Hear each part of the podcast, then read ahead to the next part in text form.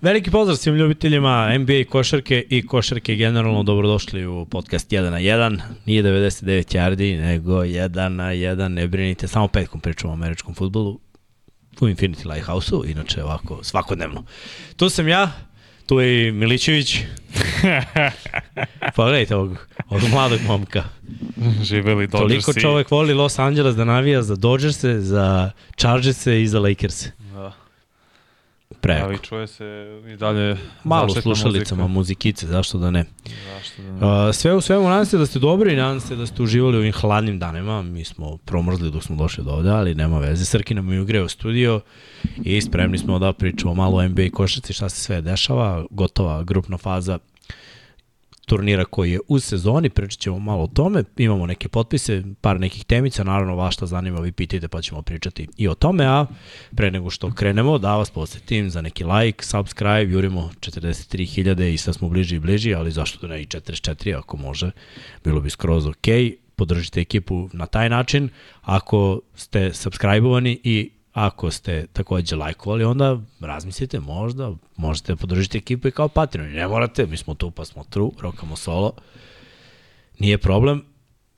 A što se tiče ovog današnjeg dana i ove teme, pre svega prvo se zahvalim Peri sjajan, na ovom sjajnom thumbnailu. Orlando nam je bio onako ekipa iz prikreka koja je mogla da napravi neko čudo, ali o, ovo je zaista filmski što rade i zato smo odlučili da im stavimo tamo Disneyland i kako je Vanja rekao mađioničara, pa je Pera želeo da to bude Harry Potter, ali nemamo baš uh, Harry Pottera, pa je onda bio nemački Harry Potter. Harry Potter. Tako da smo dobili ovaj thumbnail, ali definitivno neka promjena, de, delo je skroz cool, kao da će neki crtani da počne.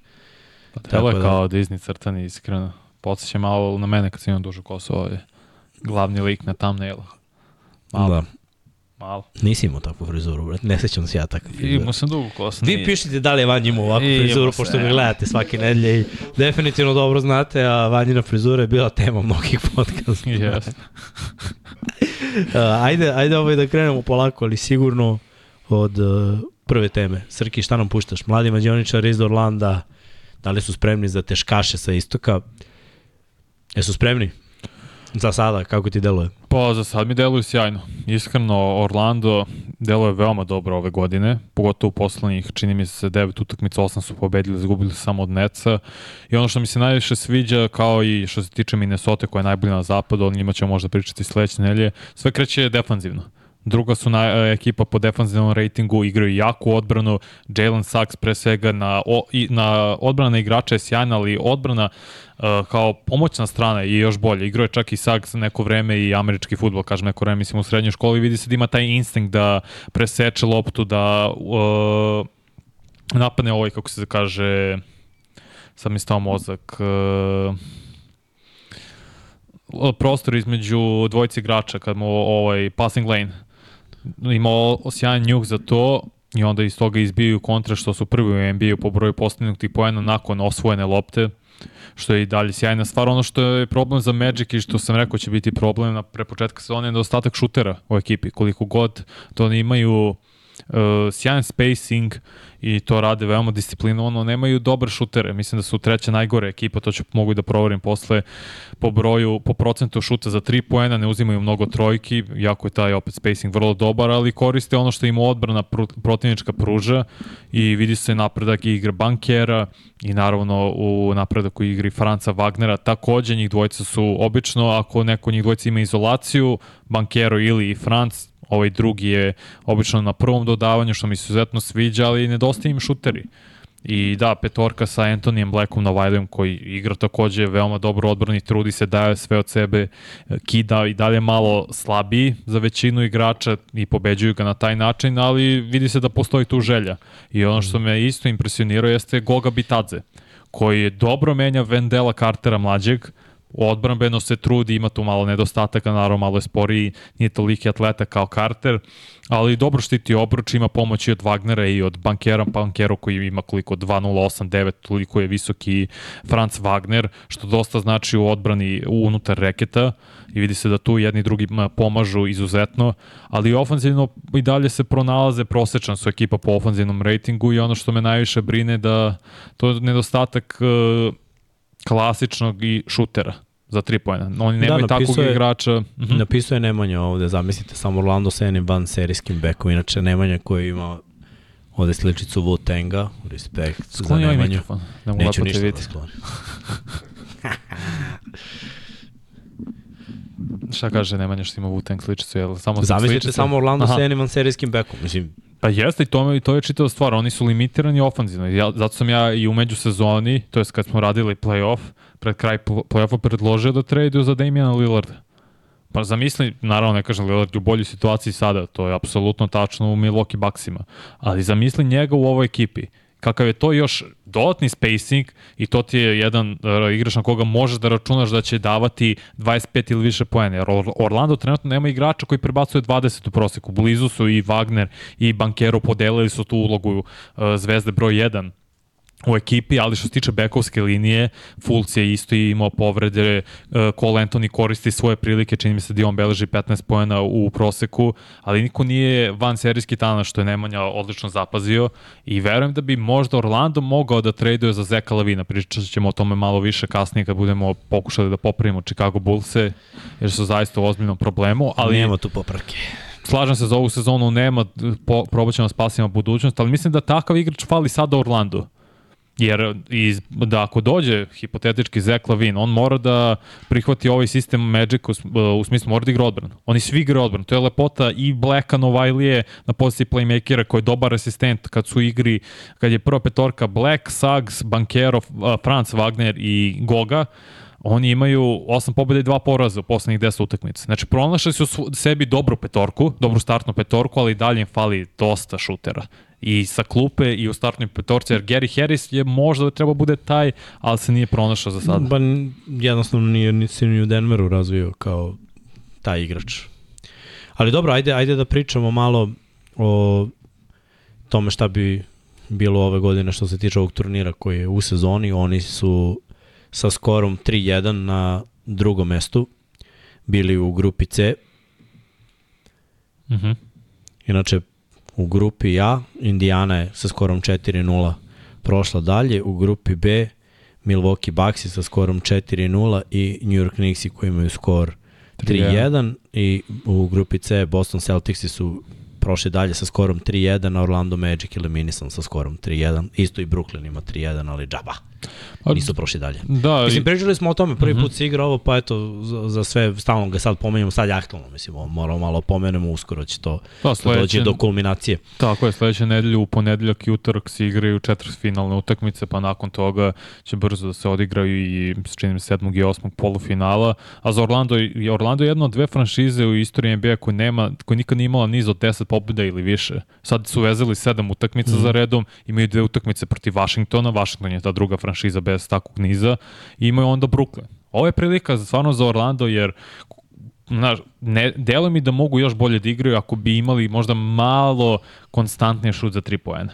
Misliš da bi Levin to dano? Mislim, Levin stvarno sebi može da iskreira šut. Može, ali mislim da će njemu biti lakša situacija, jer dosta pažnje se stavlja i na bankera kad igra jedan na jedan situaciju, kad ima izolaciju i na Wagnera, jer oni traže u napadu, ne znam da li su ljudi i koliko su gledali Orlando, oni šta rade ofenzivno? Oni traže najbolje match-upove za ovu dvojicu.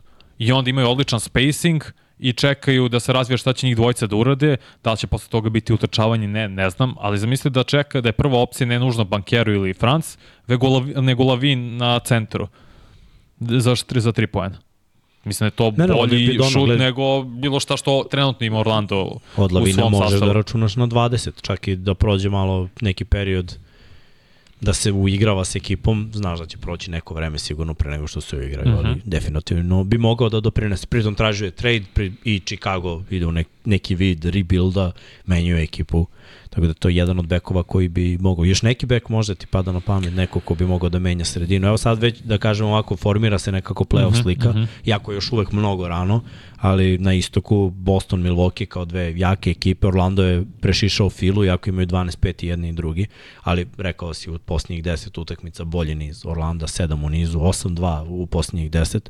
Nixi su na petom mestu mm -hmm. sa 10-7, Indiana 9-7 i Miami, Cleveland, Brooklyn, Atlanta, to su ekipe koje se bore za, za play. Nove ekipe koje su dole, Detroit, Washington, Chicago, Charlotte, ja otpisujem odmah, a Toronto ima osam pobjeda, Pa ono, ko zna, mislim, možda se desi nešto do kraja, ali realno Mislim gledano... i da će oni tradeovati s jakama kad tad. Mislim da je vreme za Toronto da krene u potpuni rebuild, da grade oko, što su i svako i rade ove godine oko Scottija Barnesa, ali znaš koji mi igrač pada na pamet za Orlando, koji bi im dobro došao kao šuter? Bogdan. Zaista mislim da bi Bogdan procveto još više u Orlandu pored uh, igrača kao što su i Bankero i Franz Wagner koji da igraju izolacijalno, ne zahtevaju toliko loptu svojim rukama kao što to rade Aj, Stray. Aj, naravno. Trae Young i Dejounte Murray. A, njim, Mm. a Orlando bi izuzetno značio jedan odličan šuter, pogotovo za tri pojena, opet i Bog da može sebi da stvori iz driblinga. Stvo, vidi, videli smo i vidimo i dalje tu situaciju i to što sve radi u, u Atlanti, a mislim da, mu je, da bi mu bila bolja opcija u Orlandu svakako. On mi pada na pamet, razmišljam sam sada, ali eto Bogdan, naravno Zek Lavin, to su neko bekovi, pre svega Bogdan je čistiji šuter nego Zek Lavin za tri poena, Zek Lavin je mnogo bolji koš getter, ali ovo je bolji šuter. No, pitaju ovde sad uh, i za Badija Hilda, mislim, Badi je u dobroj situaciji Da. već, ali mislim, njemu odgovara da budu Indijani, trenutno Indijana isto ima jako dobar tim. Ja samo napad, brate. Ali- Ali, oni samo prangijaju i da postojiš malte ne ali preko ja 125 vidim poena. njegovu ulogu toj ekipi, Da, jer da. on ne igra odbranu, a voli da prangija, tako da ne može bolji da bude ovaj brak nego Indijana i Buddy Hield. Uh, pitaju za Vučevića nazad u Orlando i to bi donao low spacing sa visoke pozicije. To sam spomenuo Pričao si prošle već nedelje, kakvi su što se tiče centara, ali Vučević je donosi nešto što ovi trenutno ne donose. Možda je malo oslabio što se tiče igranja odbrane, usporio malo, ali možda i samo zasićenje i stil igre te ekipe možda bi ovde imao malo bolju pomoć. Opet double-double je za njega Da. Dobar dan. normalno, pritom taj šut za 3 poena spacing od strane visokog igrača i malo otvoreniji reket, to bi pomoglo isto dosta za utrčavanja prodore. Nije nemoguće, ja bi iskreno voleo da vidim, jer ovako u Chicago teško da će se bilo šta desiti. Ne, ne vidim neku, neki playoff potencijal od strane Bulls. A nema tamo ništa, nažalost, o Chicago Bullsa pričat ćemo njima dalje. Ako se budem setio još nekog igrača za Orlando, ono spomenut ću tokom podcasta, ali svakako Zek Lavin broj 1. Njega treba da gađaju i Bogdana. Platili bi mnogo manje za Bogdana. Što se tiče draft kapitala, to je sigurno i možda bi im se i bolje uklopio čitav sistem. Red Srke. Never. Pa ne verujem da bi, ali ne znam šta je iskreno zamisao Atlanta Hawksa ove sezone. Jer su oni prosečna ekipa. Pa, ući će u playoff i tako. Možda. Vrlo verovatno. U play-in. Da, okej. U playoff ne. A, dobro, a ćemo na drugu ekipu. Se malo selimo. Može, ajde kako Ovo ti smo kao ispričali. Rekli smo da su eliminisani iz in-season turnira. Trenutno visoko kotirani na istoku, a šta kaže ovde je napredak Devina Bukera i odlična e, Phoenixa, Forma. U, forma Phoenixa. Phoenixa u poslednje dve nedelje. Pa dobro, definitivno je Phoenix krenuo na bolje. Misliš da je zbog Devina Bukera? Pa mislim zato što kada pogledamo i gledao sam poslednjih 3-4 utakmice Phoenixa, kako do njegove utakmice par je propustio, vidi se kao playmaker da stasa. Vidi se da je naučio od Krisa Pola puno u poslednjih 3 godina kako je bio Chris Paul tamo dve ili tri sezone, više ne mogu da setim, mislim da je tri sezone, da, tri. Jer ono što je sada Booker, to sam baš zapisao, jeste da je napredovao kao primarni igrač sa loptom, što znači playmaker, da je sad strpljiv, ne forsira svoj šut, veruje svoje saigrače, daje loptu, veruje da će mu se vratiti lopta na kraju napada i da mu se ne vrati nema force, nema sada ono neke nervoze oko toga, to smo videli u utakmici protiv uh, New York Knicksa, pogotovo u poslednji šut koji uzo. Krenuli su da ga udvaju, vratio je loptu svojim saigraču, došao je posle maltene na uručenje, sebi dao for za onaj šut iz desnih 45 iz fade away bez koskanja posle objasnio meni je to lak šut ne mogu da me izblokiraju kada uzimam takvu vrstu šuteva i razumem ga u potpunosti, samo je bio dva puta izblokiran o, ove godine kad je šutirao iz driblinga i to uglavnom kad je išao step back u levo i nekoga je sleđe blokirao. Tako da Devin Booker iz tog aspekta je zaista igra neverovatno beleži 9 asistencija, što je za njega i za bilo kog igrača koji je back shooter primarno, primarno koš getter, nešto toliko impresivno da ne znam da li možemo ljudima dovoljno da objasnimo koliko je to ne, neverovatan uspeh. Zamislite što Jokić ima 9 asistencija na poziciji centra, ovo je vrlo slična priča tome. Zato što je sad Devin Booker uh, evoluirao na, na jedan način da više nije samo koš getter, nego vokal uh, uh, nego ovaj kako se zove vokalna tačka u napadu Phoenix Sunsa. I to olakšava posao Kevinu Durantu, jer isto šta radi Orlando, Phoenix radi na mnogo efikasniji način. Kad god njih dvojice igraju izolaciju, jedan od njih dvojice, pričamo o Bukeru i Durantu, ovaj drugi je na prvom dodavanju. I sad je to mnogo teško i zahtevno za protivničke odbrane da to brane konstantno. Jer ako ti udvojaš sa prvog pasa, znači slobodan ili Durant ili Buker. A zamisli kad se vrati uh, Bradley Beal kada bude igrao. Neko od njih dvojice ili trojice, zapravo zavisi ko igra izolaciju, će uvijek biti potencijalno sam na šutu. Ili će sve da krene po zlu kada dođe Bilo, jer si nisu igrali sva trojica. Ali na šta, ne bi ja rekao da mi je, mislim, Buker je vrhunski igrač, ali, ali ajde da ne oduzmemo ništa Durantu. Pošto Buker ima uzorak od devet utakmica. I Tako je. oni imaju ovaj niz od sedam pobjeda i stvarno igra dobro u poslednje vreme, ali KD grmi cele sezone. Čovjek igra Doista. 15 utakmica sa prosekom od 32, 31,4 pojena uh. -huh. po utakmici. Što je, brate, brutalno. Jeste. Neki ga nisu stavili kao superstara, ali on, znaš, i, i dalje postiže brojeve superzvezde. Kevin Durant je superzvezda i da ove godine daje 20 poena, gde god ide KD, sve oči su prvo uprte u njega, jer je jedan od najopasnijih poentera generacije. Ikada. generacija koja polako ono, odlazi u, u zalazak, ali imaju, da kažemo, još nekih, kako ko, imaju još 4-5 godina ako ih zdravlje posluži da, da ostanu još u ligi. Sad pitanje je kako ko, na kom nivou. KD ove godine igra na višem nivou nego što je igrao prošle, na višem nivou nego što je igrao pretprošle. Mislim da, da je ovo ta godina. E sad, Bill može ili da doprinese, ko što kažeš, ili može da poremeti totalno ovu hemiju. Ne znam, nisam ih video. Volao bih da ih vidim. Mislim da smo ovdje videli jednu utakmicu kad su sva trojica na terenu. Ti si u pravu, ja i zato mislim da će biti neophodan uzorak od 20-25 utakmica pre play-offa da, troj, da sva trojica igraju zajedno. Nurkić Da je- bismo videli šta su. Nurkić je na pragu double-double učinka, ima 10 poena, 9, as- 9 skokova mm -hmm. po, Mhm. po utakmici. Predvodi tim po blokadama, po ukra- ukradenim loptama. Mislim, Nurkić je pronašao svoju ulogu. Pa ako bude ta uloga ostala, da on može da bude tu da, na double-double nivou otprilike, mm. da, da kažeš blizu 10 skokova, oko 10 poena, to, je- to je za njih vrlo važno, jer dobijaju i prisustvo u reketu, ali dobijaju i poene neke od njega. Jer znamo da, da će morati što se poena tiče da, da se oslone pre svega najviše na svoje superzvezde, ali nakon toga i na ove igrače koji imaju ulogu i moraju da ispoštuju svoju ulogu. Mislim da će tu najviše, to je najviše, najviše povratak Bradley Beal će škoditi Gordonu i Graysonu Allenu, to jest broju njihovih šuteva po utakmici, jer je Gordon zaista nekim određenim, određenim utakmici, pričamo o Eriku Gordonu, uzimao veliki broj šuteva kad nisu bili tu ni Da. Booker ili je tu samo Durant. Od njega se očekuje da to Jeste, radi. ali- Samo se očekuje da pogađa. Nije. On je sada u nekom stadijumu karijere kada ili će sve ući ili ne ulazi ništa. I češće je ovo drugo. Hajde da pričamo malo o zapadu. Prvi su Timberwolvesi sa 13-4, Denver ima 12-6 nakon pobede bez Jokića, Gordona Kako i su Reggie. Jackson i DeAndre, brati, ili si Ono što sam mislio da, da će ovaj KCP i Porter Junior da rade, Reggie ga odradi Ka, rekao ti za 30 Reggie, plus da. point. Da, ne, pa neko 35, od bekova, gledaj, 13. neko od bekova mora.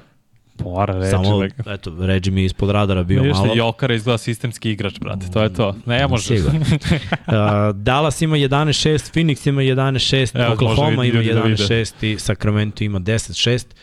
To je što se tiče tih uh, prvih šest ekipa koje se trenutno nalaze u play-offu, vi ovde vidite pet najboljih timova i što se tih pet najboljih timova tiče, stvarno tri imaju isti skor i sad možemo ovde da razmatramo ko je na kom nivou, trenutno Sansi imaju uh, bolji, bolji zalet, u ovom trenutku su u bolji formi malo. Mm -hmm. Mavsi su dobro krenuli sezonu, pa je došlo, kao i Denver u stvari, pa je došlo do malog zasićenja, Timberwolvesi održavaju tu neku dobru formu, ali vrlo verovatno da će ovo biti ekipe koje će na kraju i da se bore za ta prva četiri mesta, ali ajde malo pričamo o in-season turniru kad smo već kod Phoenix Sunsa Ajde.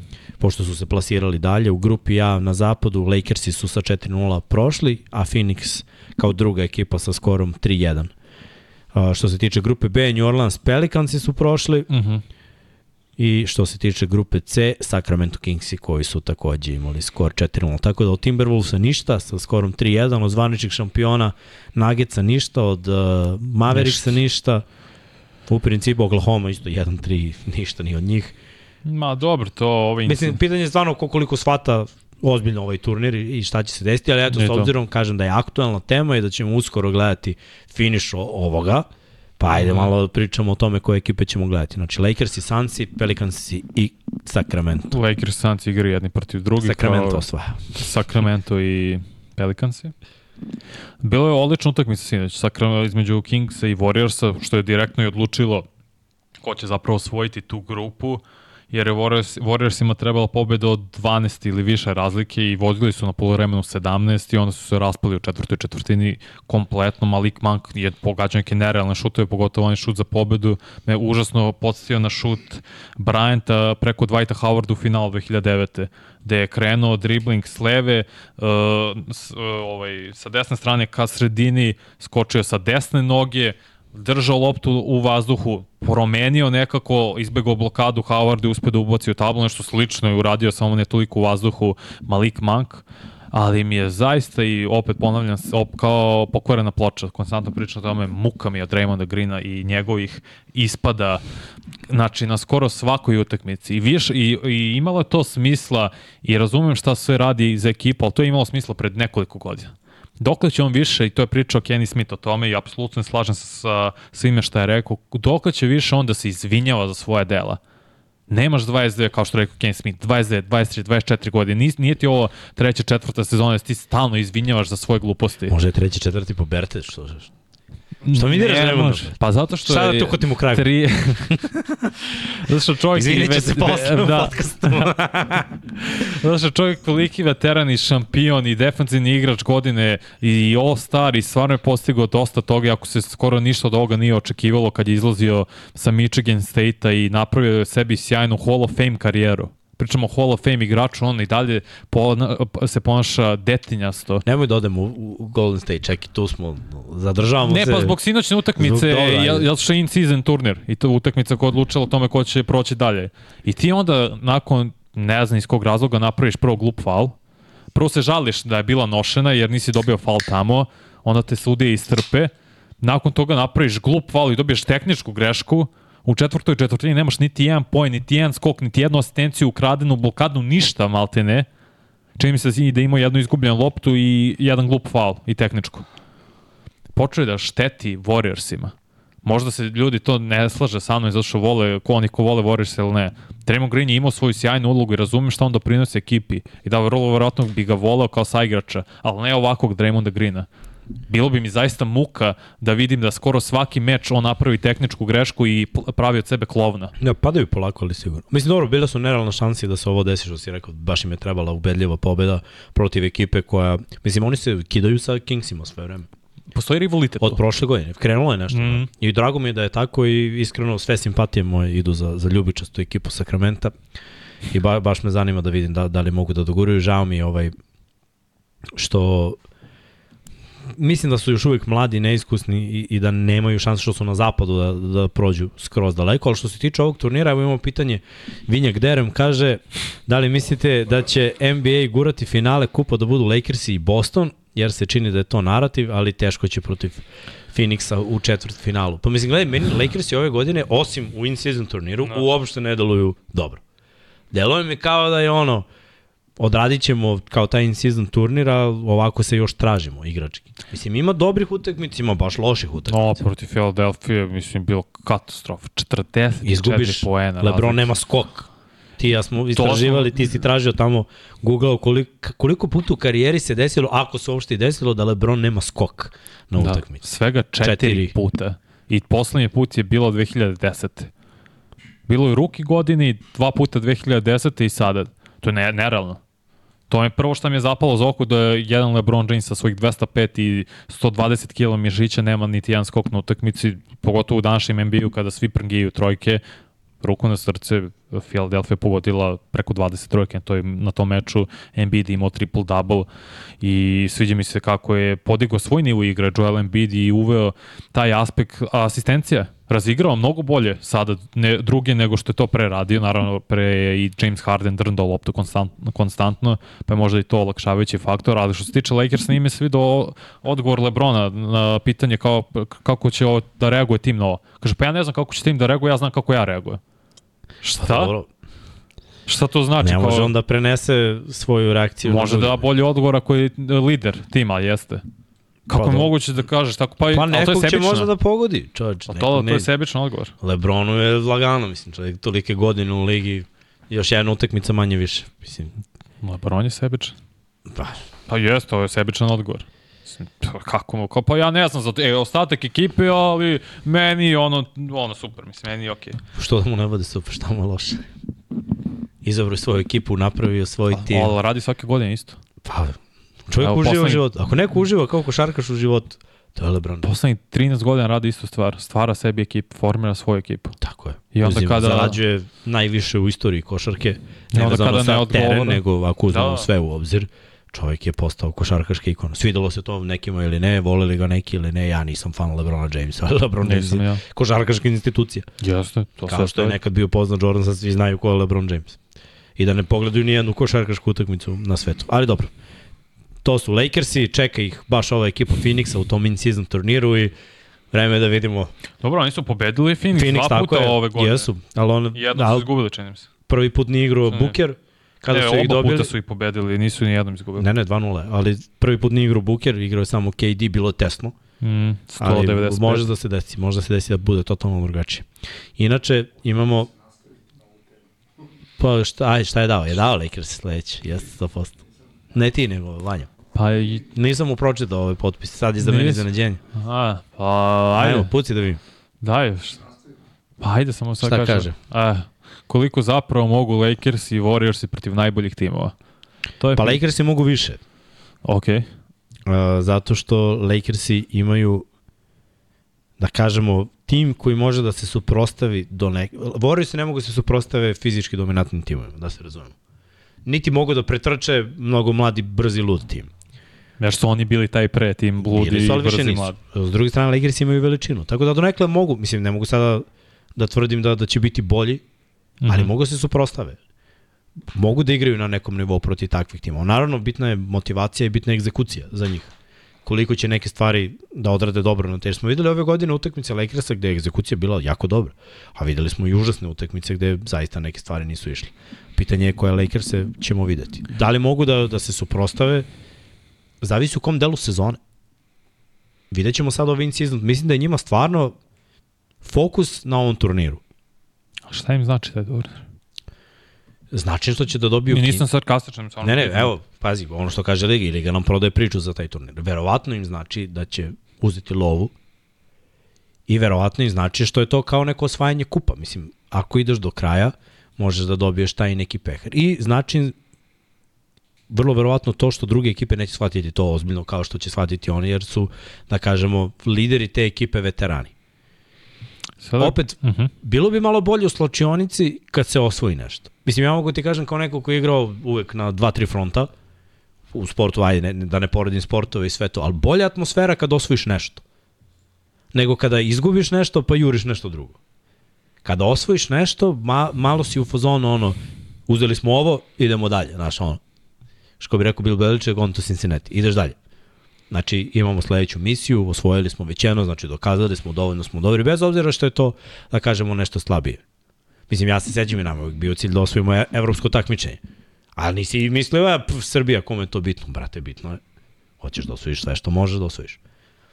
Tako da, s te strane, vidjet ćemo. Sad, ako govorimo o formi nekih igrača, strane oba tima, ja i dalje moram izdvojim Stefa kao najboljeg igrača iz ova dva tima. Lagano. Nije, nije, nije čak ni, ni debata. Ne znam ko bi bio, i, i Stef mi je, pa, Šta Lebron? pa ajde tako da kažem. Što je ono, absurdno da, da je Lebron drugi najbolji igrač od toliko mladih igrača u ove ekipe. Da imamo čak neke zvezde, da li su bivše, sadašnje, ili šta Da. god, da li su all-star igrači sadašnji, bivši ili, ili šta god. Ali ono, Stef je institucija, a boga mi je Lebron igra na nivou na kom ne bi trebalo da igra sa svojim gojinom. Ja, LeBron je igrao sjajno za svoje godine, uopšte mu ništa ne oduzimam što se toga tiče, samo mislim da Lakers i Darvin Ham mora da ima bolji off game plan za Anthony Davisa. Na, na letu sam imao vrlo zanimljiv podatak da Anthony Davis ima samo, moram da pročitam to, ovo se u pitanju dodiri unutar uh, linije za 3 pojena, blizu reketa. Anthony Davis u proseku ima 38,6 dodira u tom predelu, znači blizu reketa, Dok s druge strane Embiid i Jokić imaju po 56 i 57. A što se? Sabonis ima 55. Što se to čudi? Ali, neko, ali to samo hoću to o, i ovde branim Antonija Davisa. Ide u narativ priče da Darvin Ham mora da napravi bolji game plan da više spuštaju loptu za Antonija Davisa. Jer nije Davis kao Jokić da će sada preneti loptu za, uh, uh, sa, na, sa svoje polovine na protivničku i sam sebe uvesti u napad, malte nešto če, nekad radi Embiid, što ume i Sabonis da uradi, mada Sabonis ima uh, Derona Foxa koji mu spušta često lopte igraju pick and roll. Lakers moraju da smisle bolji plan da onda uključe više Antonija Davisa. Kako je moguće da razlika 20 je, dodira po utakmici? Ali važan je identitet igrača takođe. To nemoj da zaboraviš. Jer, na primjer, Sabonis nije dobar šuter s polja. On nije. mora da uzima loptu dole, je li tako? Jokić, uh, Embiid, jesu. Jesu, ali Jokić i Embiid imaju mnogo bolju igru sa polu distanci i leđnu tehniku. Mislim, gledaj, Embiid sad mnogi će kaže, ja, Embiid leđna tehnika, a on primi loptu nisko i odredi fade away. Voli taj šut. A to ume I Anthony pogađa Davis. taj šut. Anthony Davis nije centar, brate. To je ono što ja pričam godinama. Anthony Davis je četvorka koji bi najviše volio da ima drugi neki koji će kampuju u reketu, da on može da igra s polja, da bude ono streč visoki igrač. Razumem. Da, da, to, je, to je njegova uloga idealno. I on ne može pobegnuti od tog svog identiteta. AD nije bio kao klinac centar. Nije bio AD playmaker. bio Bio je playmaker, znam. I onda njegov izrastu. identitet uopšte nije da, da bude dole, da se gura, da građa. On može to da radi, sposoban je lik, atleta, on, ono građa mali broj igrača na svetu ima, ima onu građu. Mm. Sa onolikim ručardom i ramenima, ali on ne voli da bunari dole, da, da gradi, da, da zida, da dobije loptu nisko, jer mnoge igrače ne može da dobije. Pritom sada je sve više defanzivno orijentisanih centara. Nisu nešto ofanzivno, ali brate znaju da se biju bar pod košem. Pa ne, slažem se, ali ne treba onda dobija loptu uh, na niskom postu. On može da dobije i na laktu reketa. Ne mora leđima da igra. Dobijaš leđima, okreneš, finta, finta polaska u dribling, finta šuta, jedan dribling šut. Znači on ima to, on ne kažem to, mm. nije u mojoj glavi da ja zamišljam da to Anthony Davis možda može da uradi. On, viđao sam da to radi. Ali voli, više, ali voli više šut na trojku od svega toga. To je problem ali mislim da je i deo problema što ne dobija dovoljno lopti dole. Mislim, Julius Randle ima 50 dodira s loptom u tom. Opet, loš šuter s polja, voli da, voli, ima voli da blizu se gura. 50. Ne, jasno mi je. Krupan igrač, evropski, voli da zida, da gradi iz reketa. Ne treba, ne kažem da Davis treba stalno iz reketa, ali može unutar linije za 3 poena, jer je zaista veoma kvalitetan i ima taj skill set koji mu dozvoljava da to radi, a on to pritom, ne radi. Pritom ne zaboravi koliko kontakta ide u reketu, a koliko kontakta ide ka šutiraš trojku. Mislim, mora da uzmeš u obzir da je AD svilan. Ma, I da želi da izbjegne to... svaki kontakt po svaku cenu da bi ostao zdrav. Pričam samo da razvije igru s pol distance. Razumem šta kažeš. To, to jedino, mislim, i to mora Darren Ham da popravi, jer Lakers se trenutno muče. Oni nemaju identitet u napadu. Ja ne znam šta je identitet. Identitet je kada je Anthony Davis odjednom agresivan i želi da igra uh, bully ball, želi da bude fizikalno, što je redko kada. Identitet je da LeBron James kad je u igri često toga rešava sam. Ako ga krene pogotovo šut s polja, onda je to fenomenalno, ali dalje je, što, vidio sam neki naziv, uh, ovaj, prodavac za ovaj, ulaske na obruč, layup merchant, ok, da, nek ide svaki put do kraja i daće svoje pojene na taj način uglavnom. Ne mora da se na šut jer i dalje jači od skoro svakog u lige. I dalje Lakers dobio veliki broj slobodnih bacanja po utakmici. To je možda no, da, njihov naj, je. najbolji i najveći identitet. Ali se muče protiv dobrih ekipa. Oni su jedino dobili Phoenix od boljih ekipa Ali nisu vanje oni na tom, nisu oni na tom nivou. Oni, on, nemaju, kako Znam. amerikanci kažu, taj supporting cast ovu ekipu koja će da podrži rol, igrača koji imaju svoju rolu, neku svoju epizodnu ulogu. Jer njima da, da bi igrali vrhunski, njima treba D-Low da bude na all-star nivou, evo kaže to Mickey Vin. Mislim, treba im neko od bekova, ne mora da bude nužno D-Low, ali ili on ili Reeves moraju da budu kao Reeves prethodne godine, on je u play-offu igrao zaista na visokom nivou. Dilo mora da pogađa, Hačimura mora da igra na, na jednom visokom nivou takođe. Mislim, Rediš, tu je jedno tekmo, pa ga nema, pa znaš ono, ti možeš da veruješ, ali svi ti igrači moraju da budu konstantni i, i da budu produktivni. Dobro, ali pričali smo o tome, uradili su sjajan posao u međusezoni. Ni da su ovo nepo, nepoznate imena. Ne, jasno mi je, ali nisu ovo nepoznata teren. imena. Ni Russell, ni Reeves, ni Hachimura, ni, ni Prince. Ne kažem da nisu, nego jednostavno na terenu nisu. Razumeš? Ne igraju na nivou koji njima potreban. Da igraju protiv tih dobrih ekipa. Jer dobre ekipe ili igraju na timsku neku hemiju, Lakersi nemaju tu timsku hemiju. Njihova timska hemija kad je frka daje Lebronu i, i, ili on će da da Davisu ili će on da napravi Nešto. penetraciju pa će da izbaci pas nekom. To je njihova igra. Znaš, svaki tim se zasniva na nečem. Mislim, gledaj, Phoenix se zasniva da će da gurnu loptu Bukeru ili Durantu kad je frka. Denver će da igra igru timski nešto 2 na 2 uglavnom ako su Mare Jokić, ako ne Jokara mora da kreira i da rešava, zar ne? Svaki tim mora na kraju da se osloni na svoje najbolje igrače. Problem je što Lakers od svih tih timova o kojima pričamo, izuzev ovde Warriorsa, imaju najslabije igrače. Jer ako ti zatvoriš Stefa, Warriorsi su u problemu. Nema ko. Isto priča za Warriors, oni imaju svega šest pobeda i 10 poraza protiv timova koji imaju više pobeda nego poraza, pobednički skor za sada. Pa zato što niko drugi neće da iskorače da igra sa Stefom. Stef mora bude vanzemaljac i da daješ koliko, 50 po utakmici da bi oni bili konkurentni. To je smešno. Sinoć je odigrao napokon Wiggins odličnu utakmicu, mogu da kažem. Imao i 29 poene, igrao i dobro odbranu, ono što je pogodio preko njega. To mora da radi svake, isto, pazi, isto Mora. to što je radio Wiggins sinoć, Uh -huh. mora da radi Anthony Davis i moraju da rade to stalno. Mislim, postoji, Wiggins je atleta, Wiggins se popravio Ima malo dobar poslednjih nedelju dana. razumeš, ima predispozicije, može da bude All-Star, bio je već All-Star, Anthony Davis isto. Šarić Znači, mora da igraš na tom nivou. Da, imali smo pitanje. Šarić Kako nam se čini. je, mislim, za taj stil koristi. igre, Mm. njihov i tekako inteligentan evropski igrač može da znači. Mislim, Šarić meni je žao samo zato što je počeo svoju karijeru u Fili i video se baš potencijal, ali redko gde evropski igrač može da sa svojim razmišljanjem uspe u, u ligi. Moraš da pogodiš i trenera, i sistem, i saigrače. Jer evropski igrači igraju pametnu košarku, nema srljanja, divljanja. Treba da se navikneš. I onda je bio u limbu nekoliko godina, bukvalno ko da nije ni postojao. I sad se malo primećuje. Dobro pojačanje za, za Warriors, Yes. ali nedovoljno dobro za njihove kao neke ambicije, jer i dalje im trebaju poeni. Pitali su i Clay Thompsona da li je Steve Kerr razmišljao, možda sada malo... Ma pitali su ga da se benčuje sam, bukvalno. Da, to je on pitao na kraju ovog, ali u, malo parafraziram sada, ali u suštini da li je Steve Kerr razmišljao u tom pravcu i onda je Clay Thompson to odgovorio šta treba samog sebe da stavim na klupu. I da, možda i treba to da uradi. Da ulazi sa Chrisom Paulom kao druga petorka. I da da eventualno Moody ili pod zimskom priliku, makar na 5 minuta prvih utakmica. Neće se to desiti. Neće sigurno desiti, ja sve sam toga da se neće desiti, ali Clay Thompson mora da se popravi.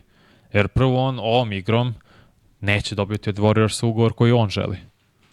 Oni su mu verovatno ponudili nešto izuzetno manje nego što je on i njegov agent, što su oni zamislili i zato je odbio, ali ovom igrom i dalje šutem iz igra 40%, popravi za 3 pojena šutom sa 34 na 36, ali sa ovom igrom neće dobiti ugovor koji želi i, pitanje je da li sam ja sada na, na poziciji generalnog menadžera Golden State Warriorsa, da li bih mu uopšte dao takav ugovor? Ne bih sigurno. Pa s ovim partijama ni ne Plus, zaslužuje. Bob Myers više nije GM, koji je bio sve vreme. Tako da novi GM, ako je bio neko vreme, čini mi se da je ovaj, kako se zove čovek, sin od uh, bivšeg igrača, setit ću se, ako neko zna u komentarima neka napiše, bio uglavnom tu svorio sam poslednjih 4-5 godina, ali moram da je gledam ka budućnosti. Jer smo mi imali mlade igrače, pa smo ih tradovali. Da, nisu isplatili, neki nisu normalni kao uh, Jordan Poole, nažalost, ili se ne znam šta se s njim desilo, ali moramo da se okrenemo nekom drugom smeru, jer ovo ne funkcioniše na duže staze. Dobro, eto da zaključimo, Warriorsi ne idu dalje u tom turniru, ali ima još prostora da pronađu neku bolju igru, da se neki igrači uključe. Lakersi će igrati protiv Phoenixa baš, pa eto da vidimo taj okršaj još jednom da li mogu. Jako je teško pobeđivati sve vreme protiv istog protivnika, ali definitivno upoznaješ tendencije ekipe i zanima me da li će Bill da igra na, na toj utakmici. Postoje šanse. Uh, tako da možemo polako, ali sigurno. Mike Dunleavy. Mike Dunleavy, hvala puno, zaboravio sam, hvala. Ajmo Srki na sledeći potpis. Kako popraviti Chicago Bulls? Nemamo mi taj alat, brate. Kratko i jasno. Pa, pa nema tu popravke. Popravka, Bullsi kažemo moraju, za sledeću, go, za budućnost. Bullsi moraju da rasprodaju ono što imaju, da uzmu pikove i da se nadaju da će pogoditi s izborom mladih igrača. To je to. Odustaješ od uh, DeRozena, odustaješ od Vučevića, odustaješ od Lavina. Ne ostavljaš nikoga od tih igrača. I to je to. Sledić, znači, kada dobiješ pikove od timova kojima su potrebni, gledaj, doći ćemo do jednog trenutka u sezoni do spoznaje određenih timova koji su konkurentni, šta im fali. Istina. Veruj mi, Orlando može dobro da razmisli o tome kako usporiti Embiida, Porzingisa, Boston, Janisa, šta im treba za spacing, da eventualno uzmu, uzmu Vučević ili neko drugi kome će faliti eventualno centra. Mislim, mi dalje ne znamo, po, povrede se dešavaju takođe, nekom se možda povredi centar, pa bude trebalo. Demar DeRozan ti je solidan igrač koji može da pomogne, ali naravno treba da pronađe ekipu on i dalje ima dosta toga da doprinese. Za Lavina smo već rekli, ima nekoliko ekipa koji bi mogao onda pomogne sa tim poenima, ali ovako za budućnost. Ovu sezonu nema ništa, oni nisu konkurentni protiv boljih ekipa. Mogu da uđu u playoff, ući će i izaći će. Nema, nema tu neke šanse da se nešto više uradi. Da Jednostavno da ti... ne, ne, ne deluje lepo njihova igra, ne deluje efikasno Mogu ti i kažem pregazilo ih je vreme, igre. to je to. U Kaži. sledećih, pa 6 do 7 utakmica. Ajde. Milwaukee u petak, pa Pelicansi, pa onda lako Charlotte, tu mogu prekinuti s Charlotte San Antonio, pa opet Milwaukee, pa Denver, pa dva puta Miami, pa Philadelphia. Sreća da imaju ove dve utakmice malo da se iskuliraju. Inače bi izgubili skoro svaku. Jer su sad vezali pet poraz za izgubili su po, u poslednjih 8 od 9. Chicago Bullsi, da nije bilo Michaela Jordana, mi bismo o njima pričali kao jednom veoma bednom franšizom. To, I to je činjenica. Ali odradili su svoju deceniju i to je to. Tako je. Jer na, pre njega je bilo loše, nakon njega je bilo jedno vreme isto izuzetno loše, pa je, pa je bilo došao malo, Rose. malo bolje, pa je opet loše, ali dobro. Tako je. Imaš, sad, imaš sad franšize sa istom pričom. Ne, koje čak ima, nisu ni usvojile tako je. šest titula. Tako je, sve to, to stoji. Da se ne lažemo. Sve to stoji, samo Chicago Bullsi i sad kad gledaš ove ostale timove ko bi možda mogao da traduje za, te, za takve igrače, ne postoji puno od tih timova. I na istoku i na zapadu. To je problem u kojem se nalaze trenutno Chicago Bulls, jer mislim da bi idealna scenarij za njih bio da dobiju pet pikova prve runde za ovu trojicu igrača. A hajde ubacimo i Karusa tu. Za ovu Ma, četvoricu. Brate, neka dobiju i, i, i 3-4 znači. Ja kažem idealan scenarij. No. Ti si u pravu, verovatno da neće dobiti. Ja mislim da čak Caruso više vredi nego DeMar DeRozan. M što igra vrhunski odbranu, M što ti daje u napadu iskru, jer DeRozan ima veliki ugor, da samo je na ovu godinu, ali ima limitiranu ulogu ofenzivno. Koliko god da volimo mi Demara DeRozana, on se neće uklopiti u svaki NBA tim i sistem koji oni igraju. Caruso može da se uklopi gde god. On ti ulazi sa klupe, igrati sjajnu odbranu na bekovskim igra, protivničkim igračima, uh, utrčava, doprinosi ofanzivno dovoljno sa svojih 9 do 10 poena, ume nekada bude i to više, da zaista bude iskra koja uh, pokrene čitavu ekipu, a DeRozan, nem što ti treba dovoljno prostora u kepu za njega, e mora da bude idealno da se uklopi u tvoj sistem, njegova igra što je baš zahtevno tražiti. Jer ti mm. kad pogledaš sad timo, evo, proćemo na brzinu, možeš da ubaciš svu četvoricu Vučević, Caruso, DeRozan, Lavin. Bostonu ne treba realno, nemoj ni cap space-a, Milwaukee takođe ne treba, Orlando je tu ekipa koja realno može da se uh, da pozove iza Lavina i da kažemo za Vučevića, Philadelphia da li njima možda treba jedan Zach Lavin ili jedan Caruso u, sa klupe? Pa, Na primjer. Kako igraju trenutno ne, ali ko zna gde će sezona da nas odvede. Zato kažem, sad je su više rano da pričamo, ali... Da, ne, možemo prođemo ove na brzinu ekipe, pa ćemo... Za dva meseca, tri, jedan igrač padne, jedan se povredi, fali malo. Otvorit će se nešto o, sigurno. Otvara se priča za trade. Apsolutno. A znaš da se to dešava uvek u sportu, mislim. Ne znam, Nixi, da li se Iko uklopa u njihov sistem, njima treba šuter neki. Pa treba im šuter, možda. Mislim, oni samo jednog šutera imaju u svih tih igrača, to je Lavin, mislim. Pa da. Koji je all-star i njega mogu da unovče. Upravo Pitanje tako. je koliko će tražiti, jer za Lavina kao all-star igrača možda tražiš dva pika. Dva pika prvi rund, tako je. Pacers i njima, ja mislim, ne treba, oni su zadovoljni svojom ekipom. Miami je ta ekipa koja može da se umeša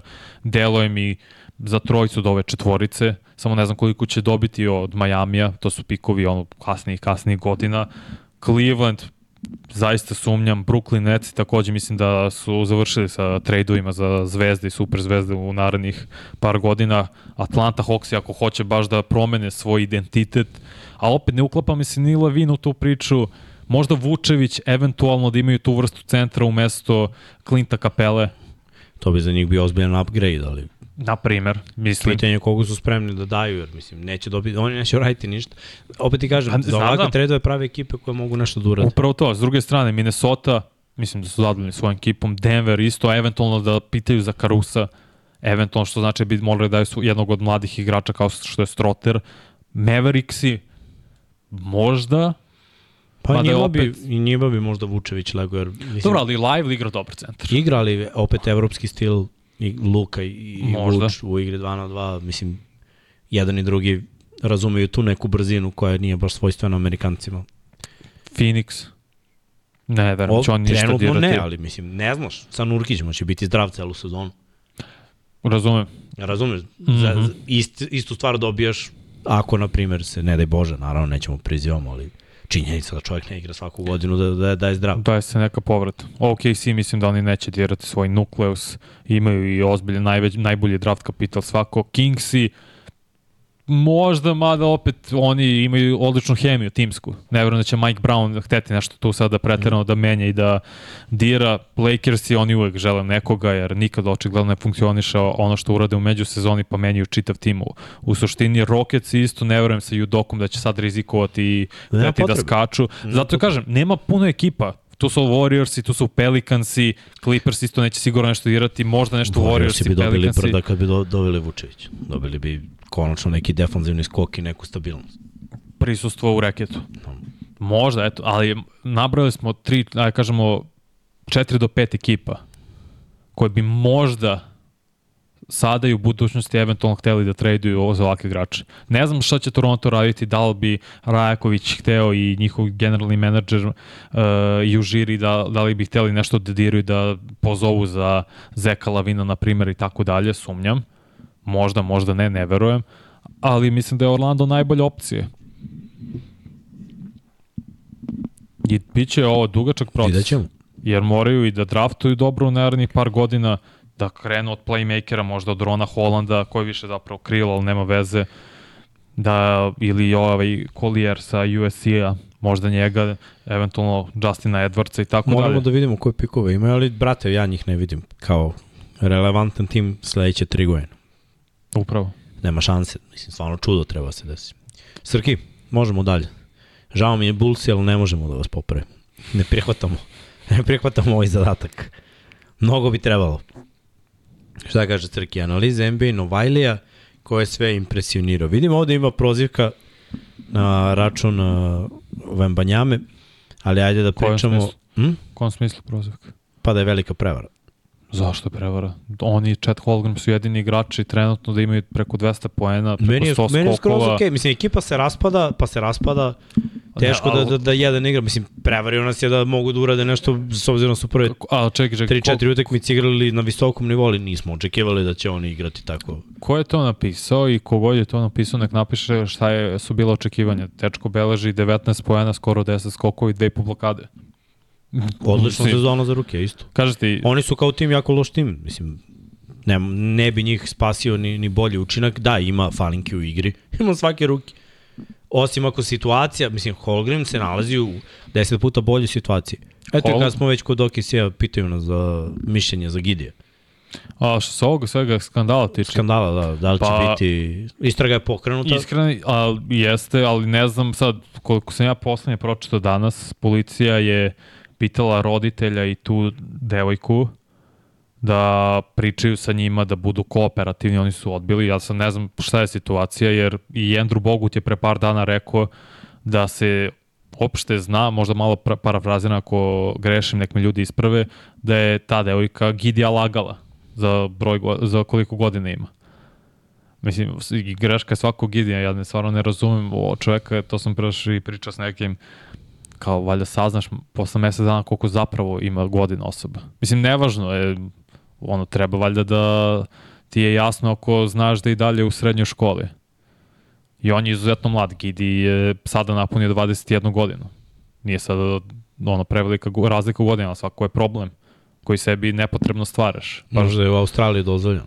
Nemam pojma šta je Australiji dozvoljeno iskreno i verujem da bi možda ve, veća medijska pompa bila da se to desilo u Americi, da je devojka iz Amerike, ne iz Australije, ali opet, valjda bi trebao bolje da znaš pre svega jer si ti NBA igrač, ti moraš da vodiš 15.000 puta više uh, pažnju i na takve stvari da ne praviš takve greške, da se ne upleteš u nešto u što može tebi da škodi, jer ćeš ti više da nasrdaš, imaš više da izgubiš nego bilo ko drugi.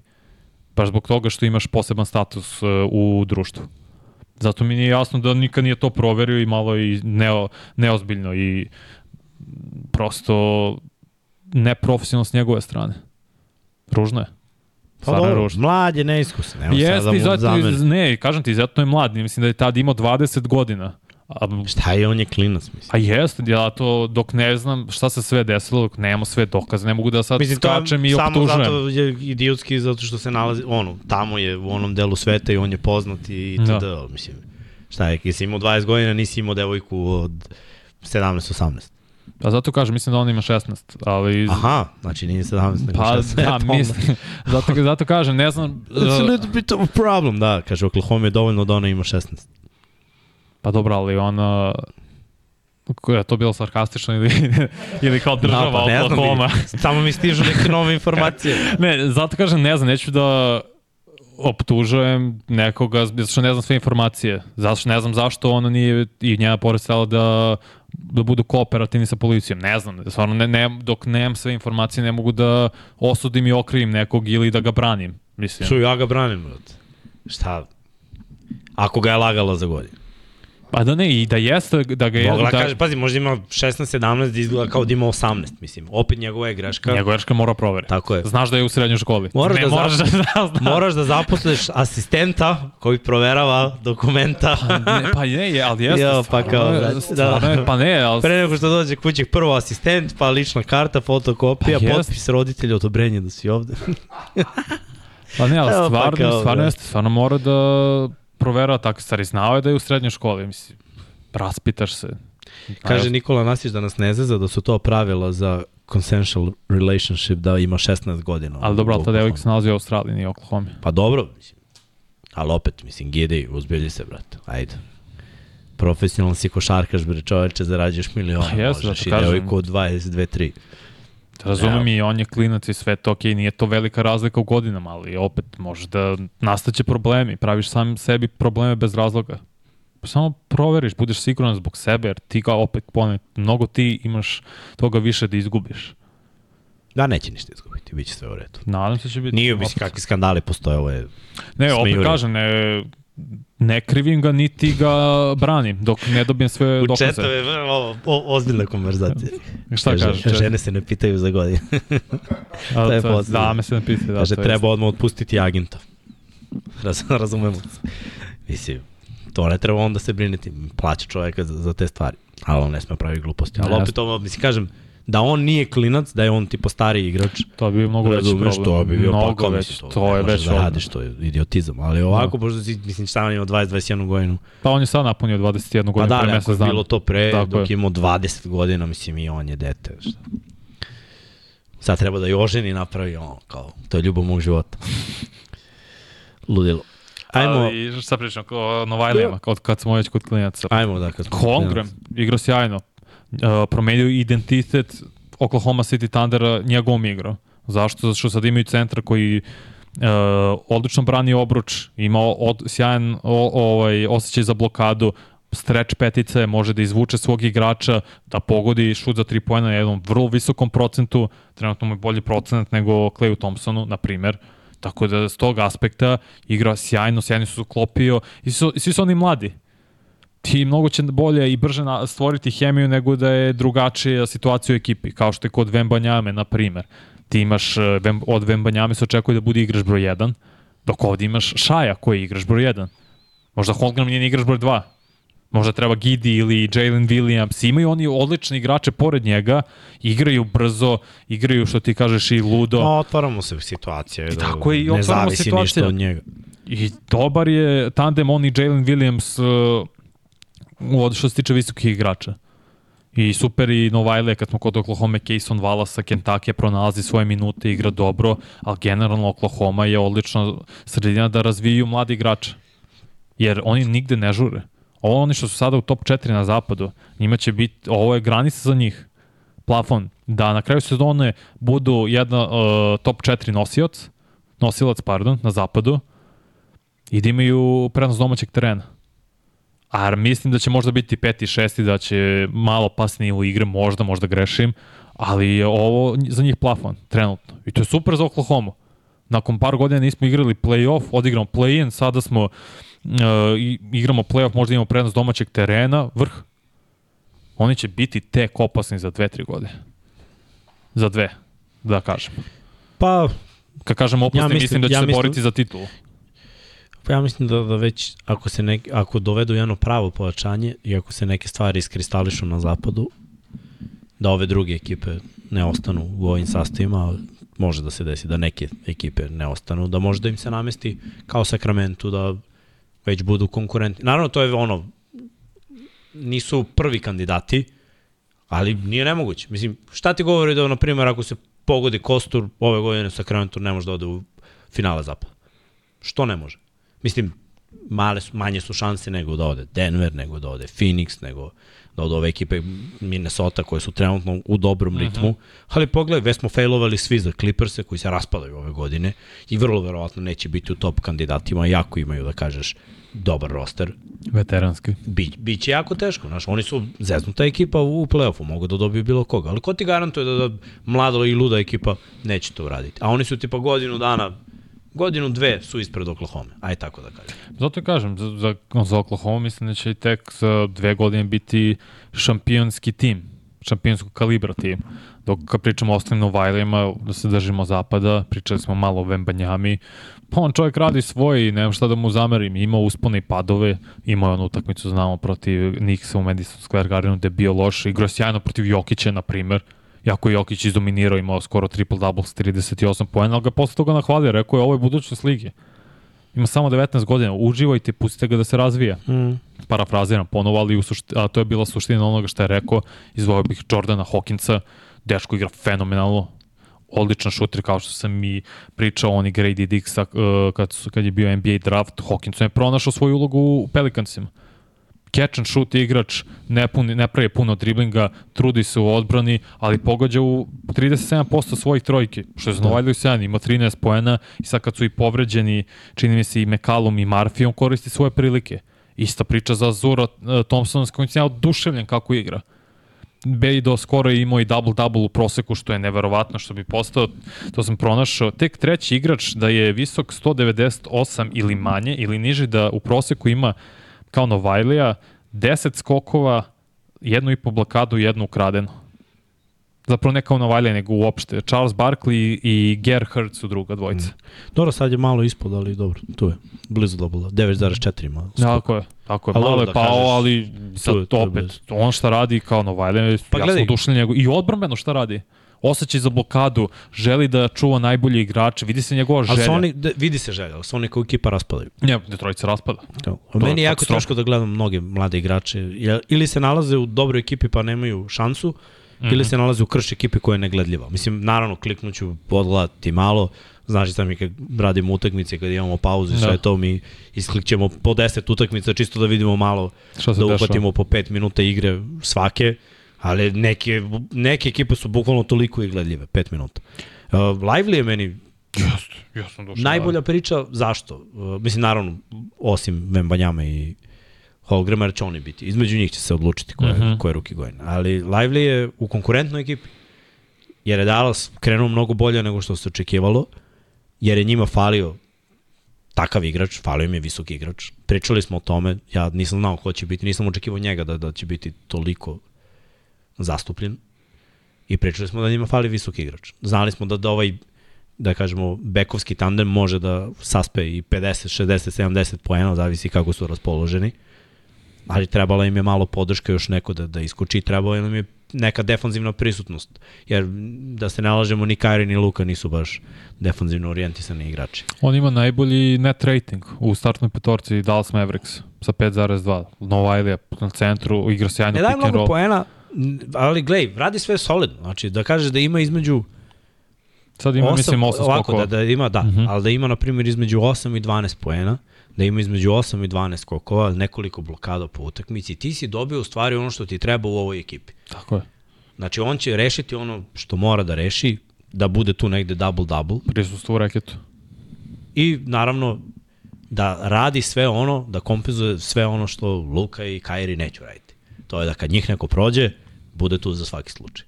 Kada oni promaše, uhvati loptu i vrati im loptu, ne moram da, da rešava ništa. Kada oni prođu u reket i kada im izađe pomoć, dignu lob, burazeru, visok si, spusti loptu u koš.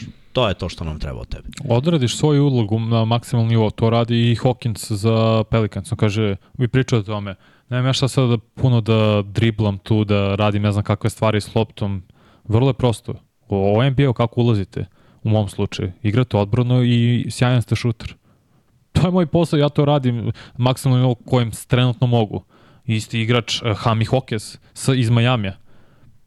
Pričao sam o tome prošle nedelje. Tečko zna da igra košarku prosto ima taj odličan osjećaj, nije neki atleta, nije nešto vrhunski nadaren, ali zna da postigne koš, zna da se nađe u pravom mestu, u pravom momentu na terenu, razume spacing, stvara sebi iz driblinga poene, konstantnom nivou, koristi prilike i poverenje koje mu ukazao Erik Spolstra skoro iz utakmice, utakmice pogotovo sad kad su igre, kao u poslednje vreme kad igraju malo bolje. I treba draftovati što više takvih igrača ako ste ozbiljan playoff tim. Da ne draftujete neke uzetno mlade igrače i da se nadate da će od njih biti nešto za ne znam, za koju godinu. Draftujete malo starije igrače, kao što je hockey sa UCLA-a. Ima još nekoliko ove godine na koleđu i bilo ih i pre.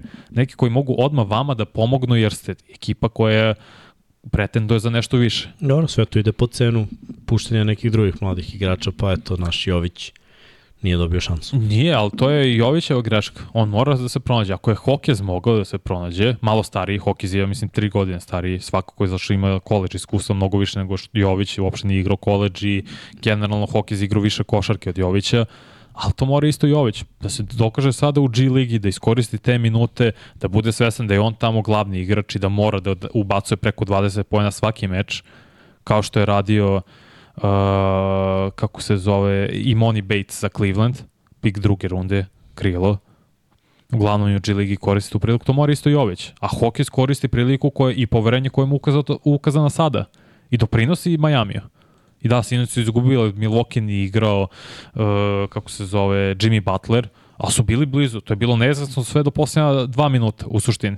No, znamo da Milwaukee ima uspano i padalo, dobro, Miami je konkurentna ekipa. Kionte. Ne nalaze se tamo gde žele da se nalaze, nije ni ovaj in-season turnir bio dobar za njih, takođe, realno gledano, znamo da će ući u playoff, jer to je ekipa koja čak i da u play-in, nema šale protiv njih. Opasno, opasno, ekipa sa dosta veterana i igrača mm. koji imaju pobednički mentalitet, to je, to je problem protiv mlađih ekipa koje možda imaju bolji skor. Ajmo, ajmo na sledeći potpis, Srkane. Kad da... vratiš Srki, nemaš, a? Je li to to? To je to. Uvek Ajde. Prošli, baš smo brzi. Pa naravno, uvek brzi i efikasni, I kao Oklahoma. I spomenuo bih Keontae George iz Jute, koji startuje poslednje vreme, prošle nedelje je bio sjajan skoro 17 pojena, 5 skokova, 5 asistencija i pričao o tome trener Jute da im on najbolji asistent.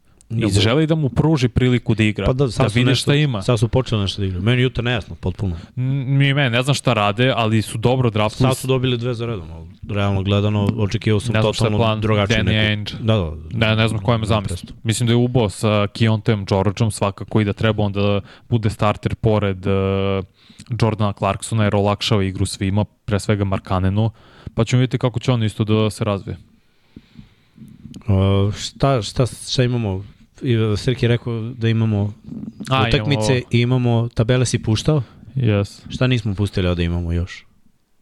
Ovo su rezultati, inače, pro, imamo ih uvek, Pera ih uvek izbaci, nego ih nismo puštali, pa eto, čisto kad već čovek radi i kad je ovako lepo, zašto da ne pustimo pa da vidite, pa eto, dok gledate to, vi nas pitajte o čemu da, da prokomentar, o čemu bi voleli da prokomentarišemo malo više. Knicks i Celtics i Celtics i rešili bez problema, 14 pobjeda za njih, Neci dobili Raptorse, sličan skor, da kažemo da ja ne znam šta da mislim o obe ekipe, nekako mi deluje kao da su nedorečene jedna i druga.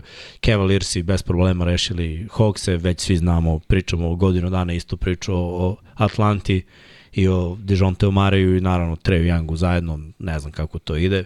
Uh, Milwaukee protiv Miami. Miami hita 131, 124. Mislim, Miami ima 10 pobjeda, 10-8, ali opet ja kažem, to je ekipa koja će kasnije nešto da uradi više. Milwaukee polako dolazi na svoje, 13-5, nije savršeno, muče se, ali pobeđuju. Mislim, to je na kraju poenta svega. Doći će to sve na svoje. Čini se treća utakmica za redom da je Janis i da im postižu po 30 poena.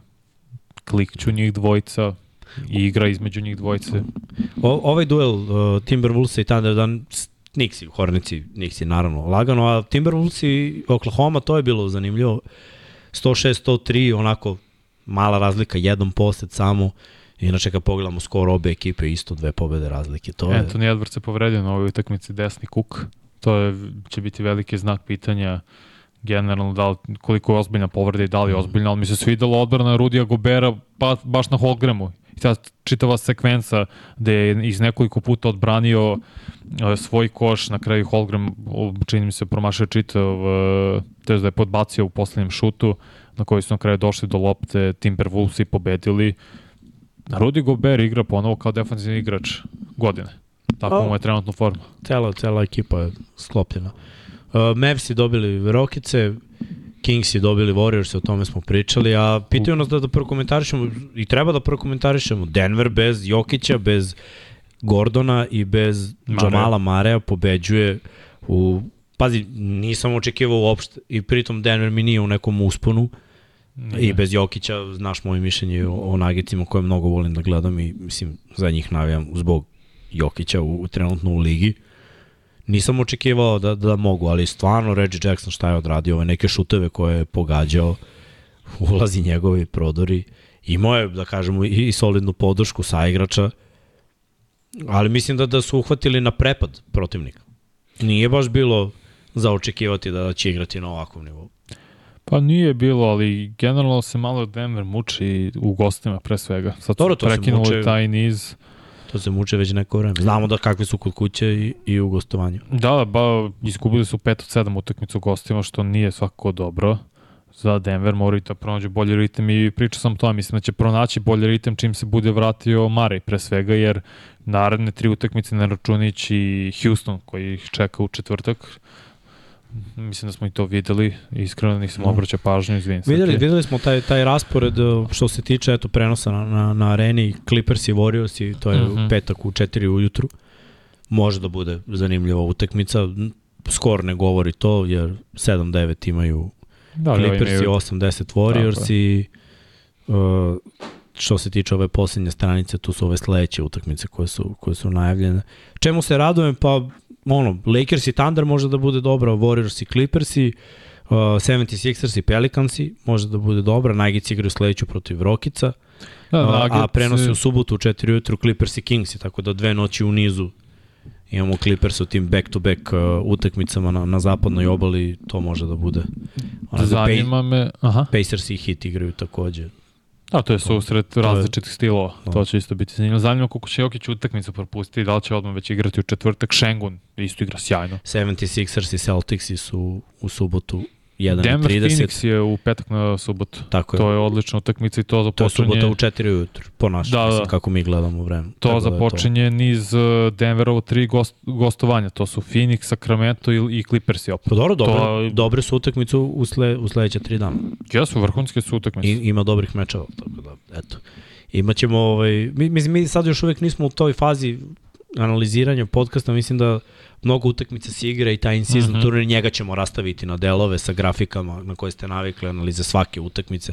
Mislim da to ima smisla. Ovako da Može. izdvajamo mečeve, mislim da je bolje forma da imamo neke potpise, da, da pričamo ovako, da vi pitate, da odgovaramo. Da to kad se završi, pazi, Kad se NFL NFL završi, sezona, definitivno možemo više da, da se jer fokusiramo na ovo. NBA postaje, postaje konkurentni nakon All-Star pauze, Baš malo pre All-Star pauze, nakon nje svakako i tad su mnogo bitne utakmice. Tad ćemo zapravo znati ko je ozbiljan playoff kandidat, ko nije, ko je već pao i onda ćemo izdvajati utakmice po dogovoru, koje su nama zapale za oko, potencijalno utakmice koje, to jest match-upove koje možda ćemo videti u play-offu, Nadam se da će biti Bill zdrav da odgledamo jednu utakmicu Phoenixa. E, pa to pitaju. Kada će, pita Mirza, uh, Pa mislim Smajlović, kada će se kupiti trojka Phoenixa, šta je sa Billom? Pa 20. decembra. Mislim, ja ovo sad lupam iz oni su glave, rekli ali... dve do tri nedelje. Tako je, to je prošla je jedna nedelja, ajde da kažem da će proći još minimalno dve i ne da će igrati nakon dve, nego da će Počinje biti pregledan. ulazi, da. Tako je. Tako Tako da, da odradi trening i da mu ništa ne smeta da se osjeća dobro da bi ga oni pustili. verujem da će oko katoličkog Božića igrati Bradley Bill ta nedelja. To pada dva- 25. decembar je, ma, je pardon, uh, ponedeljak, tako da verujem možda će u toj nedelji zaigrati Bradley Bill ili nekoliko dana pre toga. Ali ne znamo koliko su, ko je oz, uh, koliko je ozbiljna povreda njegovih leđa i šta ga tačno muči. Nemam predstavu. Bukvalno. Samo su rekli leđa. Okay. Da. Imamo par pitanja. Pitaju za, za Bogdana, mogu bi u neku bolju ekipu, pa evo Vanja mu smišlja 10 scenarija da će ići negde drugde, ali mislim, je, meni nekako deluje da je Atlanta ubeđena da ovo prolazi. Atlanta je, složit ćeš se u NFL-u i u NBA ubeđena da radi dobar posao i da je to to. I oni, mogu, oni će ući u playoff. Vrlo verovatno mogu da uđu u oba sporta u playoff, ali kako uđu, tako će ti izađu. Jer jednostavno to nije to. Mislim, bez njega, bez Bogdana nema tu nikakve priče u play-off. Ovako znaš da možeš da se osloniš, ali Ne oni znam. moraju dobro da se zapitaju u kom smeru idu, kako da na, napraviti ovaj roster. Jalen Johnson je povređen, mislim da će propustiti mesec dana, dečko je proigrao, napokon igrao je veoma dobro, jako je on više trojka, igra četvorku sada jer mora, mm. jer je tako napravljen sistem i ekipa Kvi- Kvina Snyder, ali ja sam rekao za Bogdana, meni najviše ima smisla Orlando, njima baš fali šuter, taj kada pogledamo još neke ekipe kojima je neophodan šuter, neophodan je Milwaukee, da se razumemo, neko sa klupe koji idealan bi bio Bogdan i žao mi što se to nije ostvarilo i to je bila greška od strane Ali oni su rekli, Atlanta je rekla da, da, ovaj, ima u planu Bogdana za budućnost. Drago mi je zbog toga, Vidjet ću. samo mislim da Atlanta... Pitaju šta kažemo na NBA mock listu za Topića kao drugog pika. Drugog pika, gde ste to pročitali? Ne znam, ja nisam, ali mislim iskreno, Mislim da neko je visoko. napisao bolje da ne bude top 10 da bi ušao u opuštenu ligu, pa veću ulogu će imati ako bude top 10 jer će ući u tim gde može da, da, da kažemo doprinese. Ovako Pošalje uđeš- link ko je to napisao, baš na danje. Ne bi ga stavio u top 2. Jocika nikako. je napisao NBA mock lista. Sad ću vidim, pravo ću naći. Ne bi ga stavio u top 2 jer prvo mislim da... Pitaju isto, aj izvini, završi. Ne, ma bre, lagano, nego razmišljam, sad čitam sve ove prospekte i mlade igrače, ne bi ga stavio pre Colliera sa USC-a, pre Rona Hollanda svakako, još pre Justin Edwards, na primjer, s Kentucky. Ima nekoliko igrača koji su... Bitan je redosled, mislim, koja ekipa će da bude gde. takođe je vrlo dobar igrač i ti, to što ti kažeš redosled. Možda neće tu nekoj ekipi biti neophodan playmaker. On je dečko visok playmaker.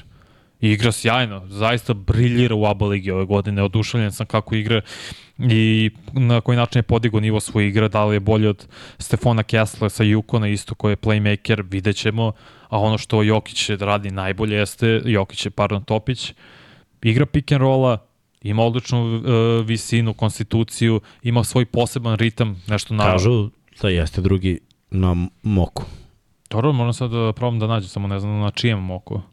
To, to je moje pitanje bilo. Uh, ali uprkos tome igra Na svojim... Bleacher Reportu ti kažu. Aha, pre 5 dana, evo sad ćemo da uđemo odmah u Bleacher. A, Vanja on mi istražuje.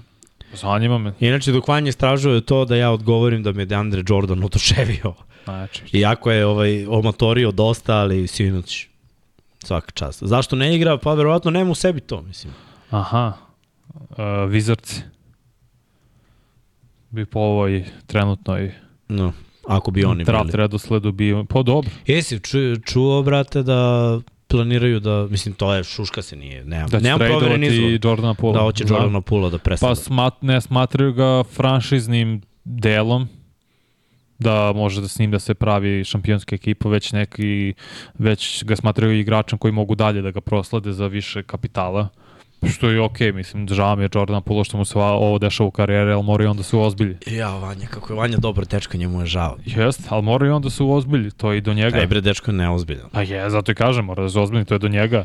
Propustio je najbolju šansu da ostane u Warriors. Samo trebalo da, da ono, bude A. normalan. Trebao je da izbegne udarac Tremon Green. Tako je. Eskivaža, eskivaža, eskivaža.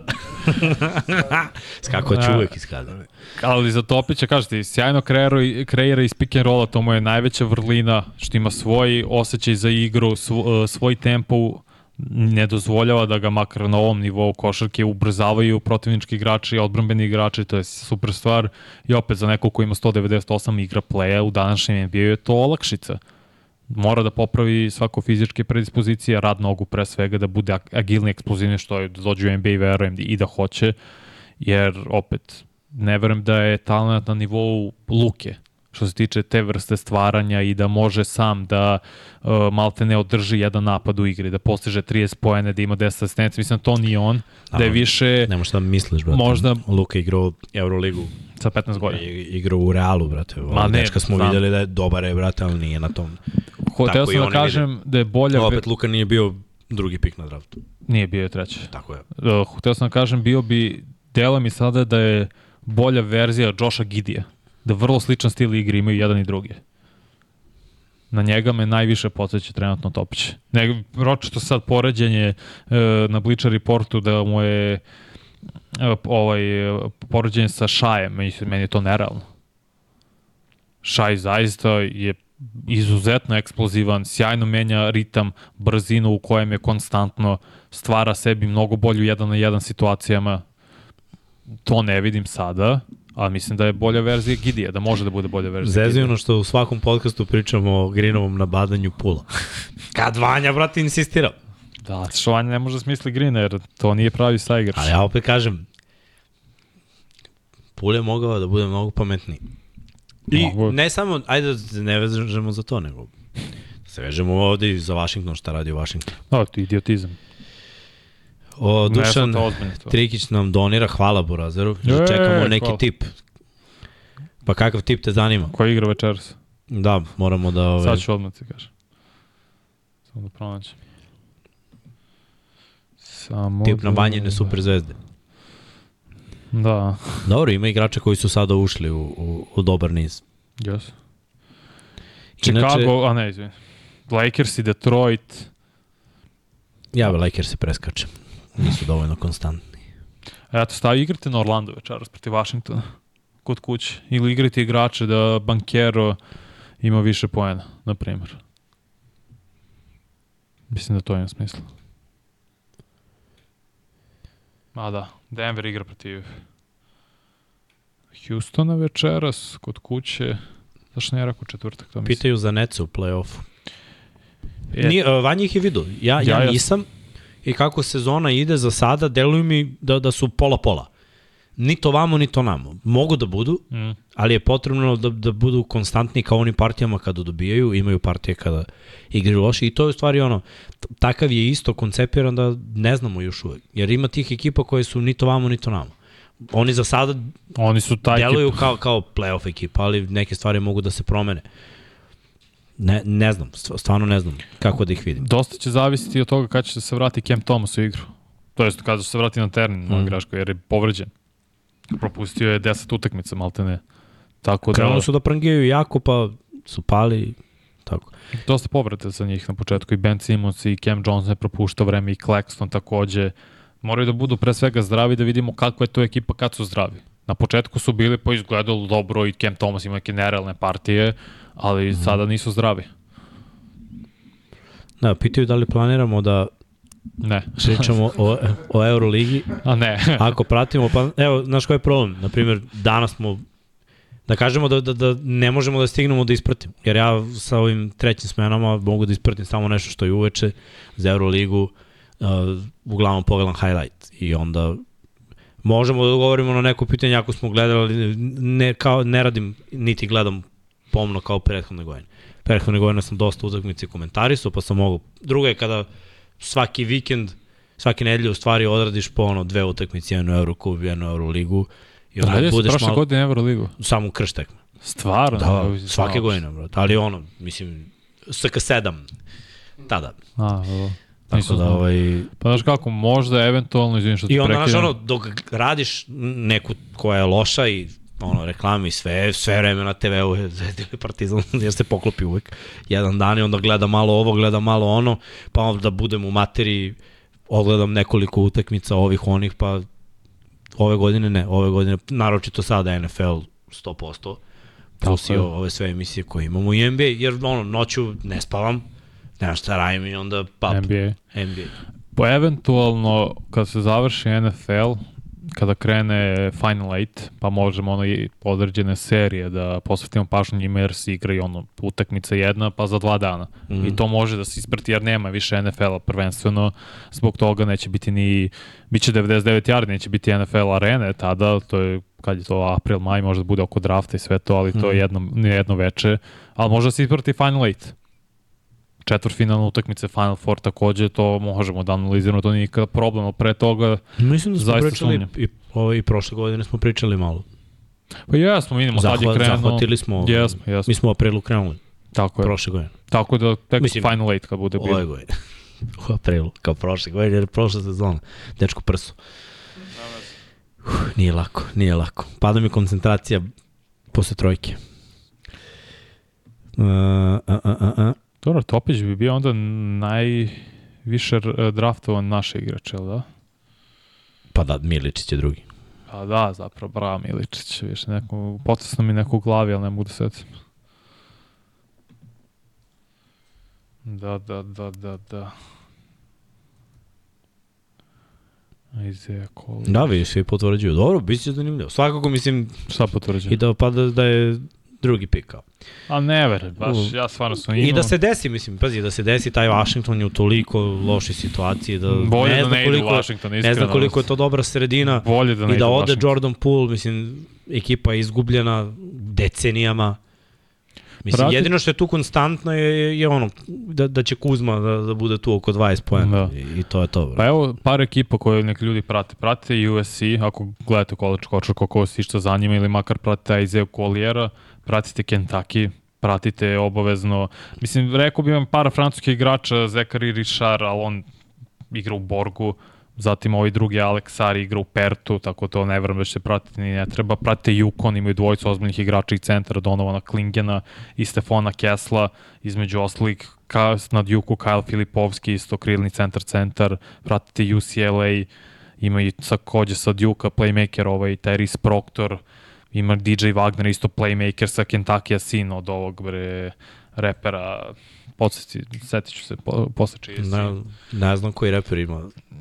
Možda I, me posjetiš. sad, sad, sad, ću, sad ću da Svi imaju sinove.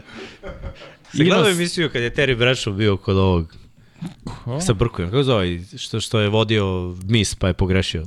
Steve Harley, Harvey, jel da? Steve Harvey. Bio je kod njega Terry Bradshaw u emisiji I pita ga, ovaj, je li imaš sinove? Kaže, a žena mu s njim u emisiji. Kaže, pa nekoliko ja znam. Kakav doktor Terry Breša. Sjetit ću se, možda nije DJ Wagner sin tog repera. DJ Wagner i njegov tata i da su bile ozbiljne košarkaši. Jacobi uh, Walter takođe sa Baylora, pratite Baylor, McCain isto sa Duke-a. Ima nekoliko igrača opet možda su to malo veće škole kao što su Duke, kao što je Yukon sada, Kentucky, uh, USC, ima UCLA i par igrača isto, Florida State, znači ima college košarka muška, sada ima nekoliko dobrih prospekata i ispratite njih, pa uporedite njihovu igru sa Topićevom igrom, pa da vidite ko je gde. Nije isto, naravno, košarka, sve mi jasno, ali opet zanimljivo je mm. na taj način gledati i uporediti. Ajde ovako, imamo par nekih ne, ovaj predloga, ne, nisu baš nužno pitanja, ali kaže Mirza, bilo bi dobro da uvedete tipsterski deo podcasta da možemo da dignemo neku lovu ili da vas peremo kako nemate pojma, preći biti ovo drugo, ali ovaj, pogađamo, pogađamo i mi ponekad. Za, za NFL mogu, mogu da ovaj, tvrdim da pogađamo, a za NBA to, ovaj, ne igraju neozbiljno oni momci, ne može kod, kod njih, neko da nema značaja, ono, pojavi se tri večeri četvrtu odluči da, da ja padnem tiket. Uh, inače, imamo ponudu od uh, jednog sponzora koji bi uveo taj segment, koji bi bio nama super, mi volimo da pravimo kvizove, što bi vama bilo zanimljivije, mi vam postavimo neko pitanje iz istorije NBA ili skorašnjeg NBA, pa vi odgovarate, pa dobijate tako neke stvari. Bilo je to na početku koja prati ovaj podcast od samog početka. Uh, ali čekamo još uvek da se to ovaj, ostvari. S obzirom da je kraj godine, vrlo verovatno da, da te priče možemo da pokrenemo od uh, nove godine, ali ko zna, vidjet ćemo. Od nove godine, vrlo verovatno. Da li može da se desi da Tobić ne izađe na NBA draft? Pa gledaj, pitanje, to je, je pravo pitanje za njega. Da li može da se desi da ne izađe na NBA draft? Pa može, mislim da mislim nema da je njegova potrebe. želja da, da igra tamo. I onda ako, znaš, ti je želja, otiđićeš i to, i to je to. Čekaj, čekaj, čekaj, čekaj, čekaj, čekaj. Inače, da Juan Wagner je tata DJ Wagnera igrao u NBA-u, bio šesti pik 2002. na NBA-u, njegov tata, njegov deda Milt Wagner je takođe bio pik druge runde. NBA drafta. Mislim da će kaže njegov deda je bio reper, znaš da sam mislio da Ne, će to da s, kaže. uh, sin od Master P-a je baš dobar igrač. Aha, dobro. A inače, ko je ovde spomenuo, beše u podcastu da Petrušev treba da se vrati u Euroligu i gleda čuda, Petrušev se vratio. I potpisao za Olimpijakos. gde? gde? I čovjek potpisao za Olimpijakos. Hvala Bogu. Žao mi što nije ostao u Zvezdi, iskreno, zbog, zato što je, je Crvena zvezda beogradska ekipa, srpska ekipa pre svega. Žao mi zbog toga da nije ostao u Crvenoj zvezdi, ali vratio se u Euroligi. I to je super za njega, jer Pa da, je to našao njegov nivo. Našao je dobru ekipu. Da. Pa naše, ne znam, mislim, nadam se da će dobiti istu priliku Nije, u? Olimpijakosu kao što je dobio u Zvezdi. Drugo je bilo, izabrao ekipu prvu gde je bila ono, teška priča, a onda je igrom slučaja otišao u drugu ekipu gde on, niko te ni ne zna sada. Nemaš Pričaš o Sakramentu. Da, da, pa jeste to kao da kažemo tim koji forsira evropski igrače, ali ovamo si bar bio na nekim pripremama i to ovde dolaziš u pola sezonu, ne već imaju sklopljen tim. Znaš, ono, nije, baš, nije se sklopilo. Za, za NBA to pričamo, mora, moraju savršeno da ti se sklope kockice. Znači da uđeš u sistem koji tebi odgovara, da nađeš trenera koji će ti dati šansu i da isporuči. Znači sve to mora se poklopi da bi prošlo. U evropskoj košarci je drugačije. Znači znaju, igrao je prošle godine na Euroligu, igrao je na svetskom prvenstvu, ali tako, imao je neku zapaženu ulogu, imaš neki uzorak, probao je, nije prošlo, igraju ovde, igraju na visokom nivou. Mislim, i da, evo ti i vas, Micić. Polako dobija šansu. Ali dobro, Vas. mora probaš, ej, mora proba. Ne, ne može, znači, svakome je san kad je bio mali bio da igraš u NBA. Mm -hmm. Možemo pričamo šta hoćeš, ali bar otidi, znaš, ono, da odeš, da probaš, da vidiš, pa neki i fail, tvoje fail, morao si da ga prođeš, vratiš se nazad i to je to. I jedan i drugi mogu da igraju u Euroligi i da godinu dana tamo, da kažemo, Vasa je dobio veću priliku nego Petrušev, to svako i trudi se to da iskoristi, je na osam utakmica od koliko, 17 čini mi se koji je odigrala Oklahoma. Ok, nije ništa wow, nije spektakularno, ali možda će dobiti više šanse kako sezona bude proticala. Samo treba da pobedi u direktnom duelu Valasa, Novajliju, koji se više uklapa u sistem Oklahoma nego Vasa, ali ok, Vasa je potpisao trogodišnji ugovor, 20, vredan 24 miliona, verujem da će odraditi makar jednu godinu, možda i dve, cele, a Petrušev s druge strane je morao da ide u Filadelfiju. Oni su imali njegovu, ovaj, uh, kako se to kaže, oni su ga draftali, oni su ga birali, Imali su prava, prava. na njega, tako je. pravo na izbor. Tako da je morao tamo da ide, naravno Oklahoma je isto imala prava za Vasu, ali druga je priča kompletno i drago mi što se Petruše vratio. Nadam se opet da će dobiti istu priliku kao što je dobio Crvenoj zvezdi, da igra, da bude starter, da, igra, da ima dobru minutažu oko 20-25 minuta za početak. Ima u Evropi se centar mnogo više ceni. Dobro, on može da igra i četvorku. Da. Ja, ja, mi, ja ga zamišljam u toj ulozi, ne da bude petica, nego startna četvorka, st- stretch četvorka, ono što i može da bude i što je igrao i dobrim delom za zvezdu prošle godine. Uh, imamo još par nekih pitanja. Kaže Vezenkov u Kingsima mišljenje, Sjajno. evropski snajper. Odlično su Dobro, mo može još bolje to da bude i mislim da, da polako oni shvataju koje su njegove mogućnosti. Mislim, čovek je prethodne godine stvarno igrao na previše visokom nivou i dalje ostao zdrav. Samo treba malo prilagođavanja na, na, Evro, na NBA teren, sa evropskog terena, Mm. na, na taj stil košarke. Ali čovjek voli da šutira NBA poenta da šutiraš, mislim. Tako je. Bolje ne može. Pronašao je svoj Taj neku, tip igrača može da, da klikne odmah tamo. Da se pronašao svoju rolu. Ima svojih 14-15 minuta po utakmici, skroz dovoljno. Damo ti loptu, šutni, brate. Ako si u poziciji, baš je imao nek, neke lepe poteze. Uh, I opet u dobroj situaciji. Ne, ne mora, ne zavisi od njega ništa. Ono. Pogodio, promašio, na kraju će lopta biti kod Jarona Foxa Ili Monka. i, sa, i Sabonis može da, da reši, tako da ni- nije do njega. Baš, on je upao u vrhunsku situaciju. Uh, još negde sam pročitao neko dobro pitanje. Kakva je ozbiljnost povrede Edwardsa i kako nam se, kako nam se on sviđa, nama se sviđa dosta kao igrač. Uh, momak je ozbiljan atleta, ima odličan mentalitet, Vidi se da mu je stalo i trenutno je glavni igrač u najboljoj ekipi na zapadu. Pritom prethodne godine se takođe videlo da je preuzeo tu ulogu alfe u ekipi i svi su se pokorili. Totalno se franšiza okrenula u njegovom smeru. Čak mogu da kažem da je postao i zvezda. Mislim, ono, snimio je jedan film sa Adamom Sandlerom, bio je glavni igrač na svetskom prvenstvu za Sjedinjene američke države, definitivno ide u smeru da bude jedan od glavnih igrača. To je ta nova generacija. A od svih igrača nove generacije nekako mi je njegov mentalitet najgotivniji. Sećam se prošle godine, baš dok smo Sean i ja radili NFL i gledali Denver protiv Minnesota i ja mu Sean kako ko je ovaj momak ja rekao gledaj brate sve ima to ti najveći uh, kompliment sve imaš znači ako uđe u reket vrlo verovatno završava može da kuca može sa obe ruke može da baci floater ima šut za 3 poena iz driblinga može da kreira sam svoj šut igra dobru odbranu jak je mm -hmm. može da ti izgura može da čuva skoro svakog da kažemo, Spolja. na tim pozicijama spoljašnjim. Nema mane, po meni. Mislim, mana mu je ono što, što je mlad, zelen, neiskusan i što malo srlja, ali dobro to. Za, za NBA stil ja sam već to ne računam kao manu za NBA košarku. Ne, srljanje ni toliko i taj mentalitet je presudna stvar i ono što ga zapravo odvaja od većine igrača. Dobro, srljanje je malo na svetskom, ali mora je. Jer ostatak ekipe je baš bio lagan. Ispod radar, jeste. A ne znamo ko je ozbiljnost i koliko će da odsustuje Edward, za sada nema novih informacija, ništa nisam ni ovako načuo da jeste nešto ozbiljno, jer da jeste već, već bismo znali o tome, vidjet ćemo, možda će propustiti par utakmica, sve zavisi čisto prevencija radi, ali Edwards igra fenomenalno i mislim da može on ili Tatum za nekoliko godina, da kažemo 3 do 4 godine, biti najbolji igrač u NBA-u. Jer trenutno i sada Edwards jedan od najboljih američkih igrača, ne računam eventualno Stefa Karija koji je, ja mislim, najbolji. Sada Kevina Durenta takođe uz to. Ima neko igrača Devina Bukera, ali za 3-4 godine verujem da će Anthony Edwards biti to. Hmm. Da li vam deluje da Boston previše forsira bez potrebe i zavisi od šuta za 3 poena? Do sada oni tako igraju već godinama, nije to ništa novo.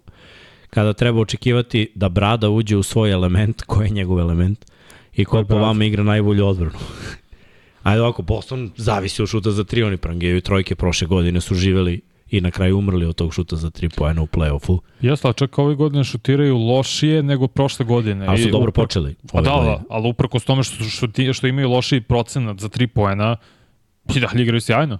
Imaju najbolji skor u NBA, 14 mm. pobjeda, 4 poraza, jer Porzingi se propustio nekoliko utakmica zbog povrede. Da li mislimo da se previše forsira? Da, to, to je njihov stil i to je to. To se neće promeniti. Tako je. Znači njihov stil, to je videli smo, trener je tu bio prošle godine i ova godina mu je druga i sve vreme iste mm -hmm. tendencije, znači to se neće promeniti. Sigurno neće Tatum, Brown uh, reći mi nećemo da šutiramo i Porzingis. Uh, ajde da smirimo napad. Ne, taj film nećemo gledati. Tako da ovo što Boston radi, radi, dokle god ide, ide mislim da, da to mora da bude tako.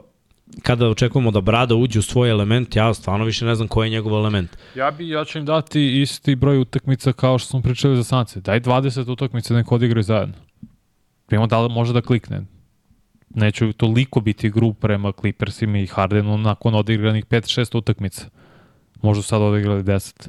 Daj da odigraju još 15 utakmica zajedno. Daj da prođe čitav decembar da vidimo na šta onda liče Clippersi. Ušli su malo bolji štos, skupili su par pobeda i da, izgubili su od Denvera svakako bez najbolje 2-3 igrača, ali daj im još čitav mesec, daj im još decembar, da vidim na šta će to zapravo sve da izgleda i da liči. Mm. To je jedina razlika. Da, što se tiče... Najbolji odbranbeni igrač, što bi opet? Da, da, ne, odbrana. Ko igra najbolji odbranu? Mislim, ja znam da li igrač ili tim. Minnesota. Minnesota je najbolje rangirana ekipa, defanzivno makar. Mislim da su oni, ubacio bih i tu Boston koji su malo opali zbog povrede Porzingisa. Orlando igra sjajnu odbranu, zato što mm. imaju konstituciju i veličinu. Spomenuo sam, i Franc i Bankero imaju 2.8, 2.9, Goga ima preko 2.10, Jalen Sachs kidiše na, u odbrani i na čoveku i odlično igra e, linije za dodavanje. Takođe, Anthony Black se trudi maksimalno. To je njihova filozofija iz odbrane, stvaraju lake pojene sebi, predvode NBA u tom uh, parametru. Imamo pitanje za Bertans, hoće li se vraćati u Evropu kad mu istekne ugovor ili će odigrati još koju godinu, pa ko zna. Mislim, iskreno, a kao igrač, stvarno je pitanje, Mislim da će ostati u NBA. neki igrači u NBA dobiju mnogo novca i, i bude im lagano, lagan život, mislim, ono, Koji imaju svoju ulogu. bleja. U Evropi mnogo više stresa, sve je bre važno, svaka utakmica je važna.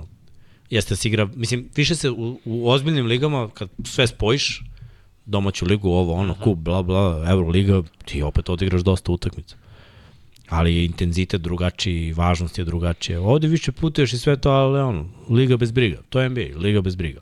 Jeste, i opet, I kinta je veća, da se razumije. em što je, pa, su bare već, em njegova uloga je specifična. On je šuter za tri pojene u Evropi, prepostavljam kad bi došao, mnogo bi se više očekivalo od njega. No. Možda i da po, povuče neki tim, da bude glavni igrač ili opcija broj 2-3, a u NBA-u realno ili će biti šesti igrač ili neko ko je kao Duncan Robinson, na primer, čovek od, pos, od zadatka, njegovo je da se kreće, da izlazi iz blokova, da prangija za tri pojene i to je to. I dobija, dobijaće mnogo veće pare za to nego da bude eventualno glavni igrač u Evropi. Pitaju nas za test za večeras na Hardena 16 tipu protiv Kingsa. Poena? Da. Ne, jas, uf. Mislim, jako loše igraju. Ja uvijek izbegavam te nekonstantne ekipe i nekonstantne igrače. Znači, dok neko nije Igra bi da je Arona Foxa više. u nekoliko, tako je, u nekoliko utakmica pokazao i da je 30 na Jeste, Foxa, pre bi rekao 30. 30 na Foxa, nego da, ono, sa, živimo od Hardena, mislim, koji može da da 30, a može da i, i 10 i da sedi na klupi. Pazi, Boston, kad smo već kod toga, šutira... Kaže, uzimam- Harden bio sigurica u Houstonu, u Houstonu je bila druga priča. A, Tad si ok, mogao da ga Houston je igraš, tad je prangijao po 20-25 puta radio šta je hteo. šutirao po 15 bacanja po utakmici, naravno. Kao sada 30 Embiid što radi. Mm. Ali Celtics i šutiraju najveći broj trojki po utakmici, 43 po meču, ali su prosječna šuterska ekipa za sada, sa 36%. Znači oni malo da podignu svoj procenat iz igre, bili bi skoro nezaustavljivi. Zato njima odgovara ovaj identitet. Da. Ima tu sada još par nekih koje sam prošao. Moram da se vratim. 16 i po. Pa mislim malo je, ali i oni igraju jako Dobro, on beleži baš je- 14% Pa znam. ove godine, tako da i to... Mislim, gledaj, nije da, da ima nekog... Opet je sve stvar ka, u kom smeru bude otišla utakmica, mislim. Može Sacramento da ih... E, Harden nije prešao 16, poslednjih Mm. 15 Miriše, miriše na minus, ali bi ja to preskočio. Jer može da bude garbage time i da ostanu ovi da se uigravaju malo, a Sacramento nabuđi 20-30 razlike i uđe malo ekipa s klupe. Zato je taj NBA meni kad, kad ove igraju loše ekipe užasan. Zato što koliko puta smo pustili da je po 20-30 razlike. dešavalo se. Svako veče bar ima jedna utakmica koja u određenom trenutku bude na 20-30 razlike. Kao šta je ovo više, Arsenal 5-0. Da, lepo. Mišljenje o Brunu Kaboklu. Ja da, Srki. Srki, Srki, ga. Srki vam ga odobrava. Evo Srki, imam pitanje za tebe. Kako sutra Partizan protiv Panathinaikosa? Čovječe, Lesor se Panathinaikos, vraća, brat. Srki, šta će Panathinaikos radiš? bio jedan od da najgorih gledaš tu timova. utakmicu, tako? E, Srki ide da gleda. Srki ide gleda, mora da isprati. Svoj prijatelj. A, Srkane, Šta misliš? čemu se nadaš? Zašto Partizan igra loše u odbrani? Opet, kao i prošle godine. Da se. Srki kaže, nema ko da se bije, ko da skače. Znaš šta je razlika Srki? Ne znam da li ćeš se složiti. Aj, reci. Jaramaz, ja. A Jaramaz njegov šut i uh, uh, pod oštrim uglom kako šutira, nevjerojatno i da nema uopšte luka kod njegovog šuta, to mi je, je malo jezivo, to kao Kavaj Leonard, znaš, kad ovako ide, samo što Kavaj pogađa ono nerealno, lomi obruč, ali pogađa, ali Jaramaz je apsolutno druga priča. Razlika između ovog Partizana, i to sam negde pročitao, ili je to neko napisao, i slaže se s time, iako ne pratim po toliko, Ne, ne, ne. Uh, I Vujoševićevog Partizana jeste forsiranje tada srpskih igrača, kad je Vujošević bio trener. Mnogo se više igra oslanja na njih i oni se forsiraju da budu glavni igrači i da donose bitne odluke, dok s druge strane ovakav Partizan se oslanja na strane igrače. Koga? Trifunović. Dobro, okej, okay, ali je li Trifunović bio na nivou Novice kad je bio mlad, kad je pre toga, posle toga prešao u Real. Mislim, pitam... Ne, zar nije? Ja, Ne, ne, ja sam takav Gledaj. utisak sekao, odgledao sam par Novica je u utakmica. trenutku bio ozbiljan igrač, povrede su ga uništile, ali Jesu. mislim i ono što je radio za repku i ono što je radio Jesu, za, za ne, ne, ekipu. Poenta priče jeste da se dosta više zavisilo od naših igrača. Da, bio je tu Bo McCaleb, Freddy House, Vonte, on, kako se zove, ovaj, Vontigo Cummings i tako dalje, tako bliže, Lore, Robert, Lawrence Roberts, bilo je i Javaj, ovaj, Aljoša Mitrović, on je igrao kad su išli na u Paris na Final Four. Dobro, Tad je koliko, 80% bilo jeste, iz Srbije. Jeste, i o, razumem da je Mekele bio možda najbolji igrač, ali bilo je naših igrača koji su do, vodili igru. Ljudi, vi, mi, vi pišete ako ja grešim, pošto ja ne pratim toliko Joce kaže, jedini luk koji je imao Kavaj jeste sedma utakmica protiv Fila. bukvalno. To smo Luka i ja radili, znači koja je to bila.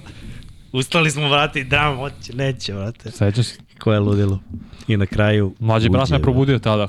Kao, aj dao za pobedu. A, ja. Kakav ludački šul, Jeste. ali eto, bilo je suđeno. A eto, tamo da završavam i s time, ljudi nek pišu, ja ne znam da li sam u pravu ili nisam, to mi je generalni utisak, utisak gledanja Partizana poslednje dve godine, da prosto naši igrači možda nisu ni dovoljno kvalitetni.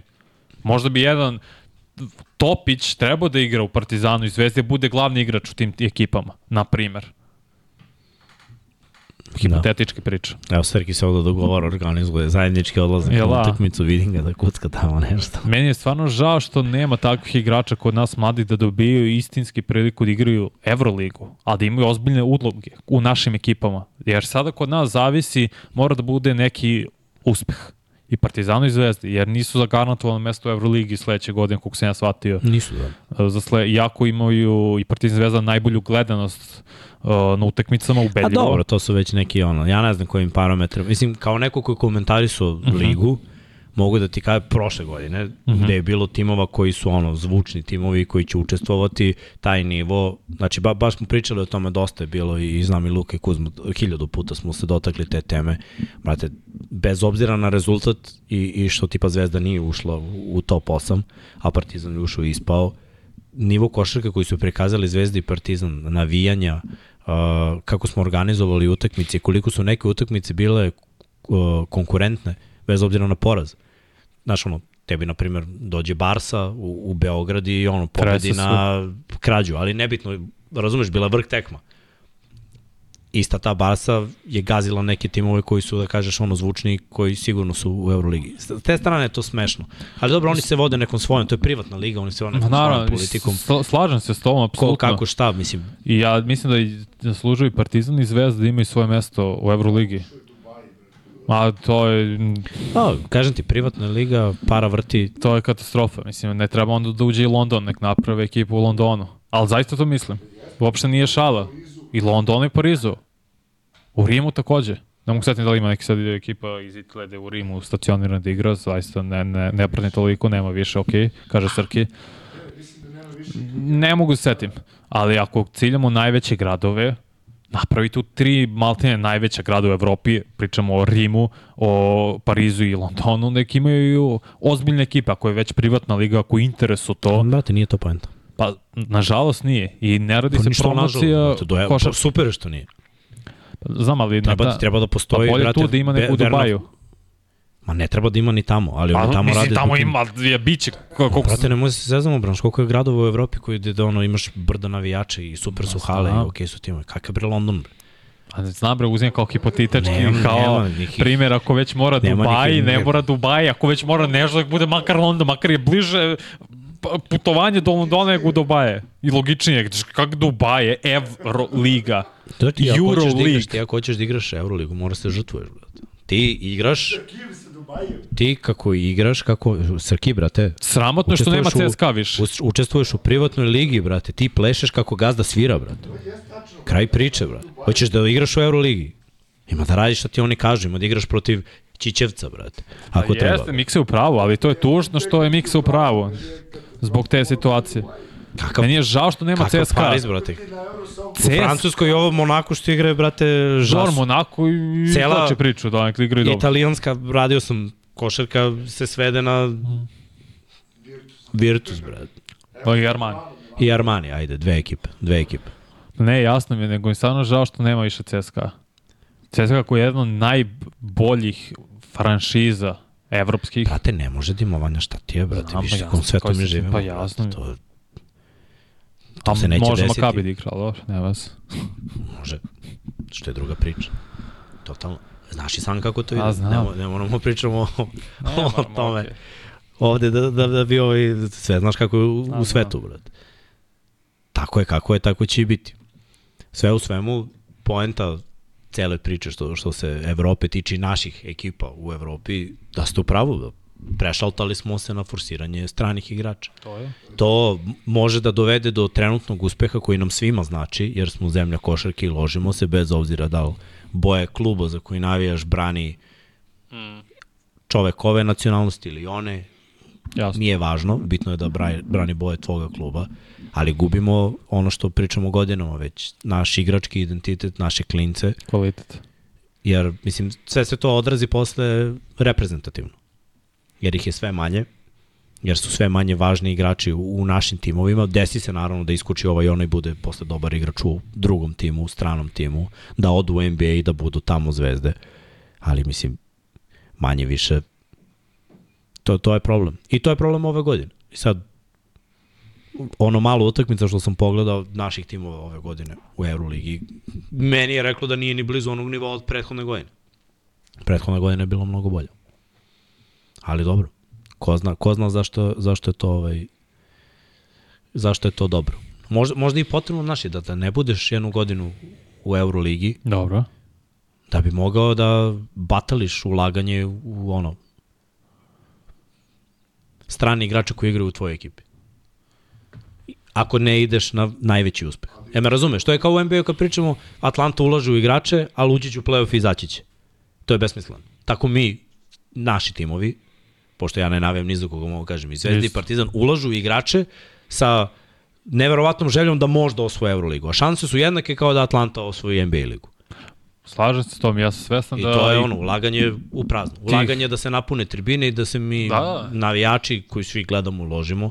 Jeste lepše da gledaš ekipu koja je konkurentna i da uđe u top 8 kao prošle Naravno. godine i da dobiješ Real. Jeste lepo, ali na kraju krajeva Mislim, nerealno je bilo očekivati da, da se osvoji. Ja se slažem s tobom, ja sam svestan toga, isto ne znam da li je to napisao i da li će neko to napisati, da Partizan tih godina nije imao uspeha u Euroligi. To su uglavnom bile godine da ispadaju odmah, možda prođu prvu rundu takmičenja, uđu u top 16 pa ispadnu nakon toga, sve, vrlo svestan toga. Ali opet je bilo lepše gledati, makar meni može to opet nostalgija, ja sam bio klinac tada, pa sam išao da gledam te utakmice, nikad neću zaboraviti utakmicu protiv Barcelone u Pioniru, mislim da je bio rezultat 67, 66 ili tako nešto, vrlo malo poena na jedan posed, ali u Pioniru je stalo koliko, 8000 ljudi ili 9. To je nikad bolje atmosfera u životu nisam osetio, da, ja još sam bio klinac sad.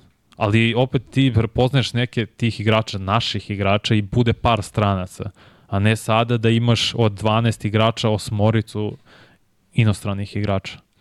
Da, To to, je dobro, problem. to je neki način vođenja biznisa. Ja, meni se ne sviđa, ali mislim to je samo individualno mišljenje. Možda ti se sviđa, možda ti se ne sviđa. Ko, znaš koliko hoću pohvalim?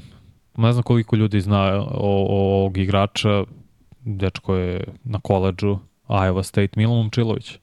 Ne znam da li je ovde ikad igrao, znam, znam ga za- sa koleđa i zato što sada u poslednje vreme igra baš dobro, pogotovo ima odličan šut za 3 poena. A to je jedno ime, srpski igrač, pretpostavljam da je srpski, mislim Milan Momčilović možda ima neki hrvatski koren, ali sumnjam, zaista. Pisao sam mu, inače po ko zna, može se javi nekad za podcast. Ti kada pišeš Wow. browseru, niko ti se ne javlja. bre. Istina i to je tačno. Možda ali... napišeš da imaš 17 godina, brate, pa ti se bar gidi javlja. Ali, eto, obrate pažnje na takve igrače, ima ih, imamo ih ton u Americi. Momčilović, ovaj Milan je samo poslednji primer toga. Dečko koji stvarno je dobro igrao i ovaj ima odličan šut iz igre, odličan izbačaj i sviđa mi se kako i razume igru, ima i o- dobar osjećaj. Eto, možda, ću, možda takvi smo igrače pre ovde imali u Srbiji i dali smo im prilike da igraju. Pružili smo im šansu. Dobro. E, ništa ovaj. Da, da sumiramo, Ajmo. da sumiramo utiske. To bi ovaj kaže Joci kada ga je gledao, kaže piše da je Amerikanac i da je rođen tamo. Jel da, a? Šteta. Hvala Jocik, ali eto. Nisam bio Opet da. siguran, zato što ga ne pamtim ga iz mlađe kategorije, ali vidim teško igra stvarno dobro, pa sam prepostavio da je igrao i tamo srednju školu, sad ne znam da li je Amerikanac ili naš, ali eto, now we know. To. Ništa, ajde, ajde da sumiramo utiske i ovaj, eto sad imamo ovde malo komentara Mihajlo Gotovuša takođe, pozdrav za sve vas. Ne znamo šta bi bilo prošle godine. Delovalo je da, da, da je moglo da se ode do kraja, da, da se osvoji Euroliga i onda bi bio, onda bi bio opravdan taj način poslovanja, Mm -hmm. angažovanja stranih igrača koji mogu da dovedu do, do velikog uspeha. Uh, mislim, uspeh jeste bio plasman u dalju rundu. Da se ne lažemo, to, to jeste uspeh u, u top 8. Ali, ali najveći uspeh zapravo je biti on, Final Four i osvojiti. Nije se to desilo i mislim ti probaš sa istim receptom, drugi su igrači, znači nisu isti sastojci, a probaš da dođeš do istog ili većeg uspeha. Nije, znači, ništa ovaj, zagarantovano. Tako da ono, vidjet ćemo kako će sve to da se desi. Opet, naravno, navijamo da za oba naša tima, ja bar, meni bi bilo drago i prošle godine sam baš se nadao do samog kraja da, da je moguće da i Zvezda i Partizan uđu u top 8. Jer mislim da našoj košarci to treba. Jer se vraćamo malo na mapu, jer i ti NBA igrači žele da dođu ovde i opet mi jesmo zemlja košarke, volimo sve to i nakon takve euroligaške godine imali smo vrhunsko svetsko prvenstvo. Mislim, to je jako dobra stvar. Na sve to Jokić osvoji NBA sa Denverom. Mislim, pogledaj kako je bila prošla godina, ova zapravo, ali da kažemo prošla sezona i ova godina, ne samo za, za nas sportske komentatore, sportske novinare, navijače, ljubitelje košarke, bila je vrhunska.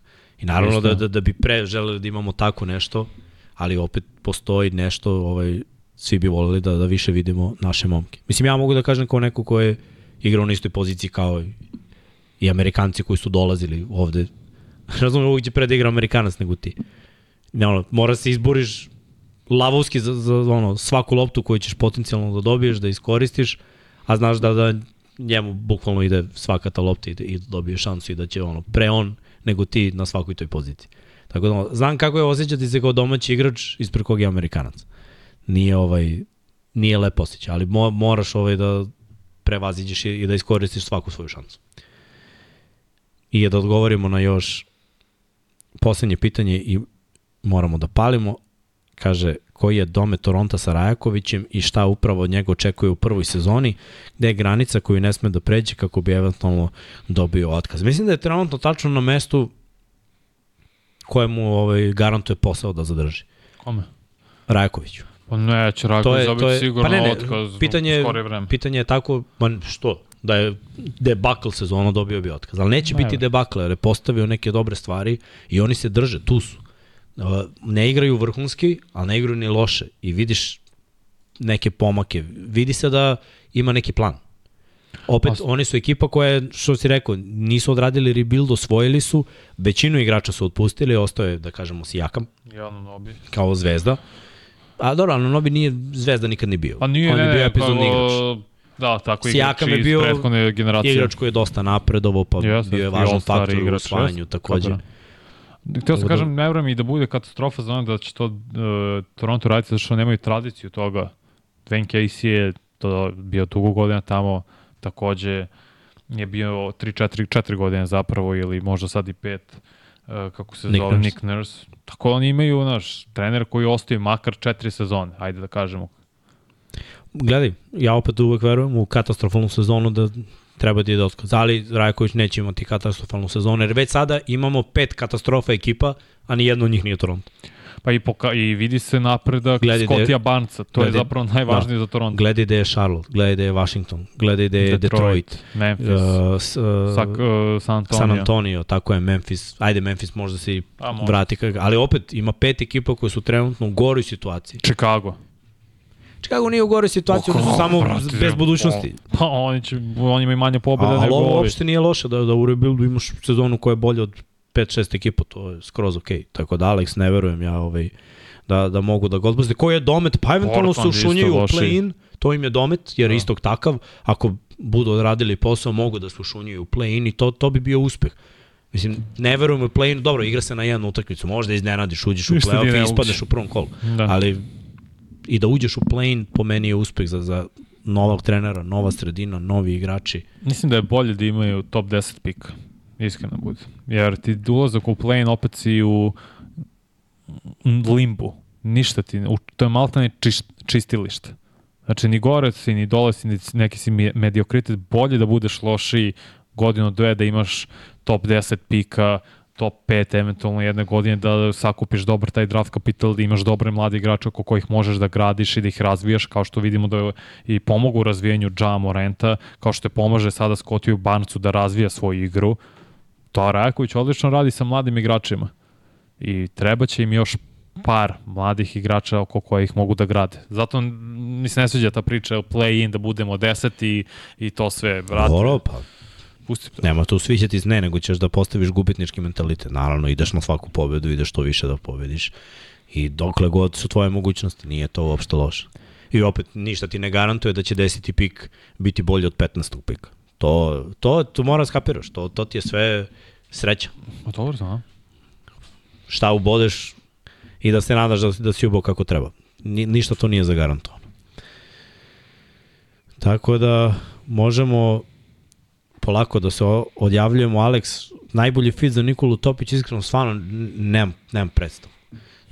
Jer ne znam ni koje ekipe će biti uopšte u konkurenciji, ali ako bude bio tako visoko kotiran od svih ovih ekipa koje su na samom dnu, Možda San Antonio.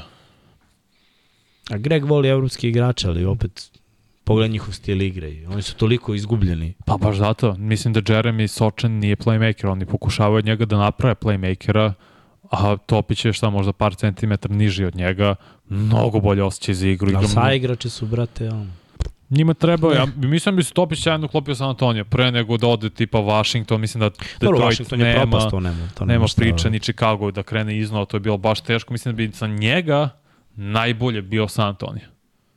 Sa Gregom, sa Vembanjamom, mogu da razviju pick and roll igru, imaš tu onda ovog Vejsela i Keldona Johnsona sa spoljnih na krilnim pozicijama da čekaju iz catch and shoota, tako da Ne, pa, mislim ko, da je koje, koje opcije ima, San Antonio deluje bolje, ali, mislim, Washington je katastrofa, Detroit je katastrofa, Portland neće birati playa, svakako. Memphis neće birati play ako ostanu dole, uh, Charlotte, mislim, Lamelo, Lamelo je opet povređen i on ima ozbiljan problem sa skočen s globovima, jer on svake godine ima izvorne skočen s glob neki. neko se ovde šalio od čega ih je Lavar pravio. Pa ne znam, bukvalno. ali propustit će nekoliko nedelja.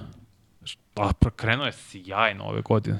I ne verujem da, do, da se vrati da će Charlotte opet birati player, imaju njega. Nema pojma. Ne, ne, pa to ti Birali kažem. su playa ove godine, na draftu što No. je bilo suludo. Pa gledam bekovske, gledam bekovske linije, ni- nije sjajna situacija nigde, ali Jocika sa Antonio, verujem, to je to.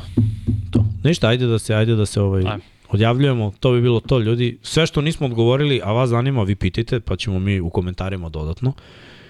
I ovaj, malo po malo čekamo, pa ćemo detaljno da analiziramo taj in-season turnir, da vidimo tu neku promenu, šta će to da bude, da li će da bude. Isto kao igrači, ljudi kao, kao budu koristili kao dodatnu stvar za Lebrona u razgovoru da je najbolji, najveći Osvojio in-season turnir. Tako, a? osvojio in-season. Znaš kada će, pa neće proći Phoenix, kako igraju sada. Ali dobro, ajde, jedva čekam, pa da vidim. Uh, svakako, hvala što ste bili tu, hvala što ste bili u velikom broju i na lajkovima, na subscribe-ovima. Nastavite da pratite naš podcast. Ko voli NFL, čekirajte 99 yardi, pričat ćemo u petak, ima tu sve i svašta. Pusti Vanjino tužno lice samo nakon Opa. poraza od Chargersa da se vidi, od Ravensa da se vidi to a se tužno radi? lice Ali navijača. fanovi Jetsa, radujte se, Rodgers se vratio treninzima. Neće da žuri. Pa neće da žuri kod neće da igra ove godine, bi se lud, pa nije, nije blesav. Da. Sa ovom ofenzivnom linijom da silno. igra, brate. Ali se vratio, što je zaista Dobro. nešto nerealno. Manje od tri mjesto nerealno. To, Ne pričat ćemo, pričat ćemo o tome u petak, ajde da, Ajde. da ne dajemo ljudi koji ne prate NFL. Uh, takođe to pitanje o dinastiji Nenade koji si postavio, ne, ja stvarno ne mogu da odgovorim. Napisao sam ovaj, da, Je. samo Srđan može da odgovori na to pitanje. Iskle, da li si isklesala? Da, da, ja mislim da, da, da je napravljeno sve samo da se štampa, ali nemamo fizičko izdanje, tako da Srđan će morati da vam odgovori na to, a ko prati 90 jari, zna da ga ni mi nismo videli mesec dana skoro. Tako da prećemo vidjeti Arona Rodgersa na terenu nego Srke u podcast. A vi mi budete dobri i do sledeće nedelje ostanite uz Infinity Lighthouse, Srki pušti Patreone pa da se polako odjavljujemo.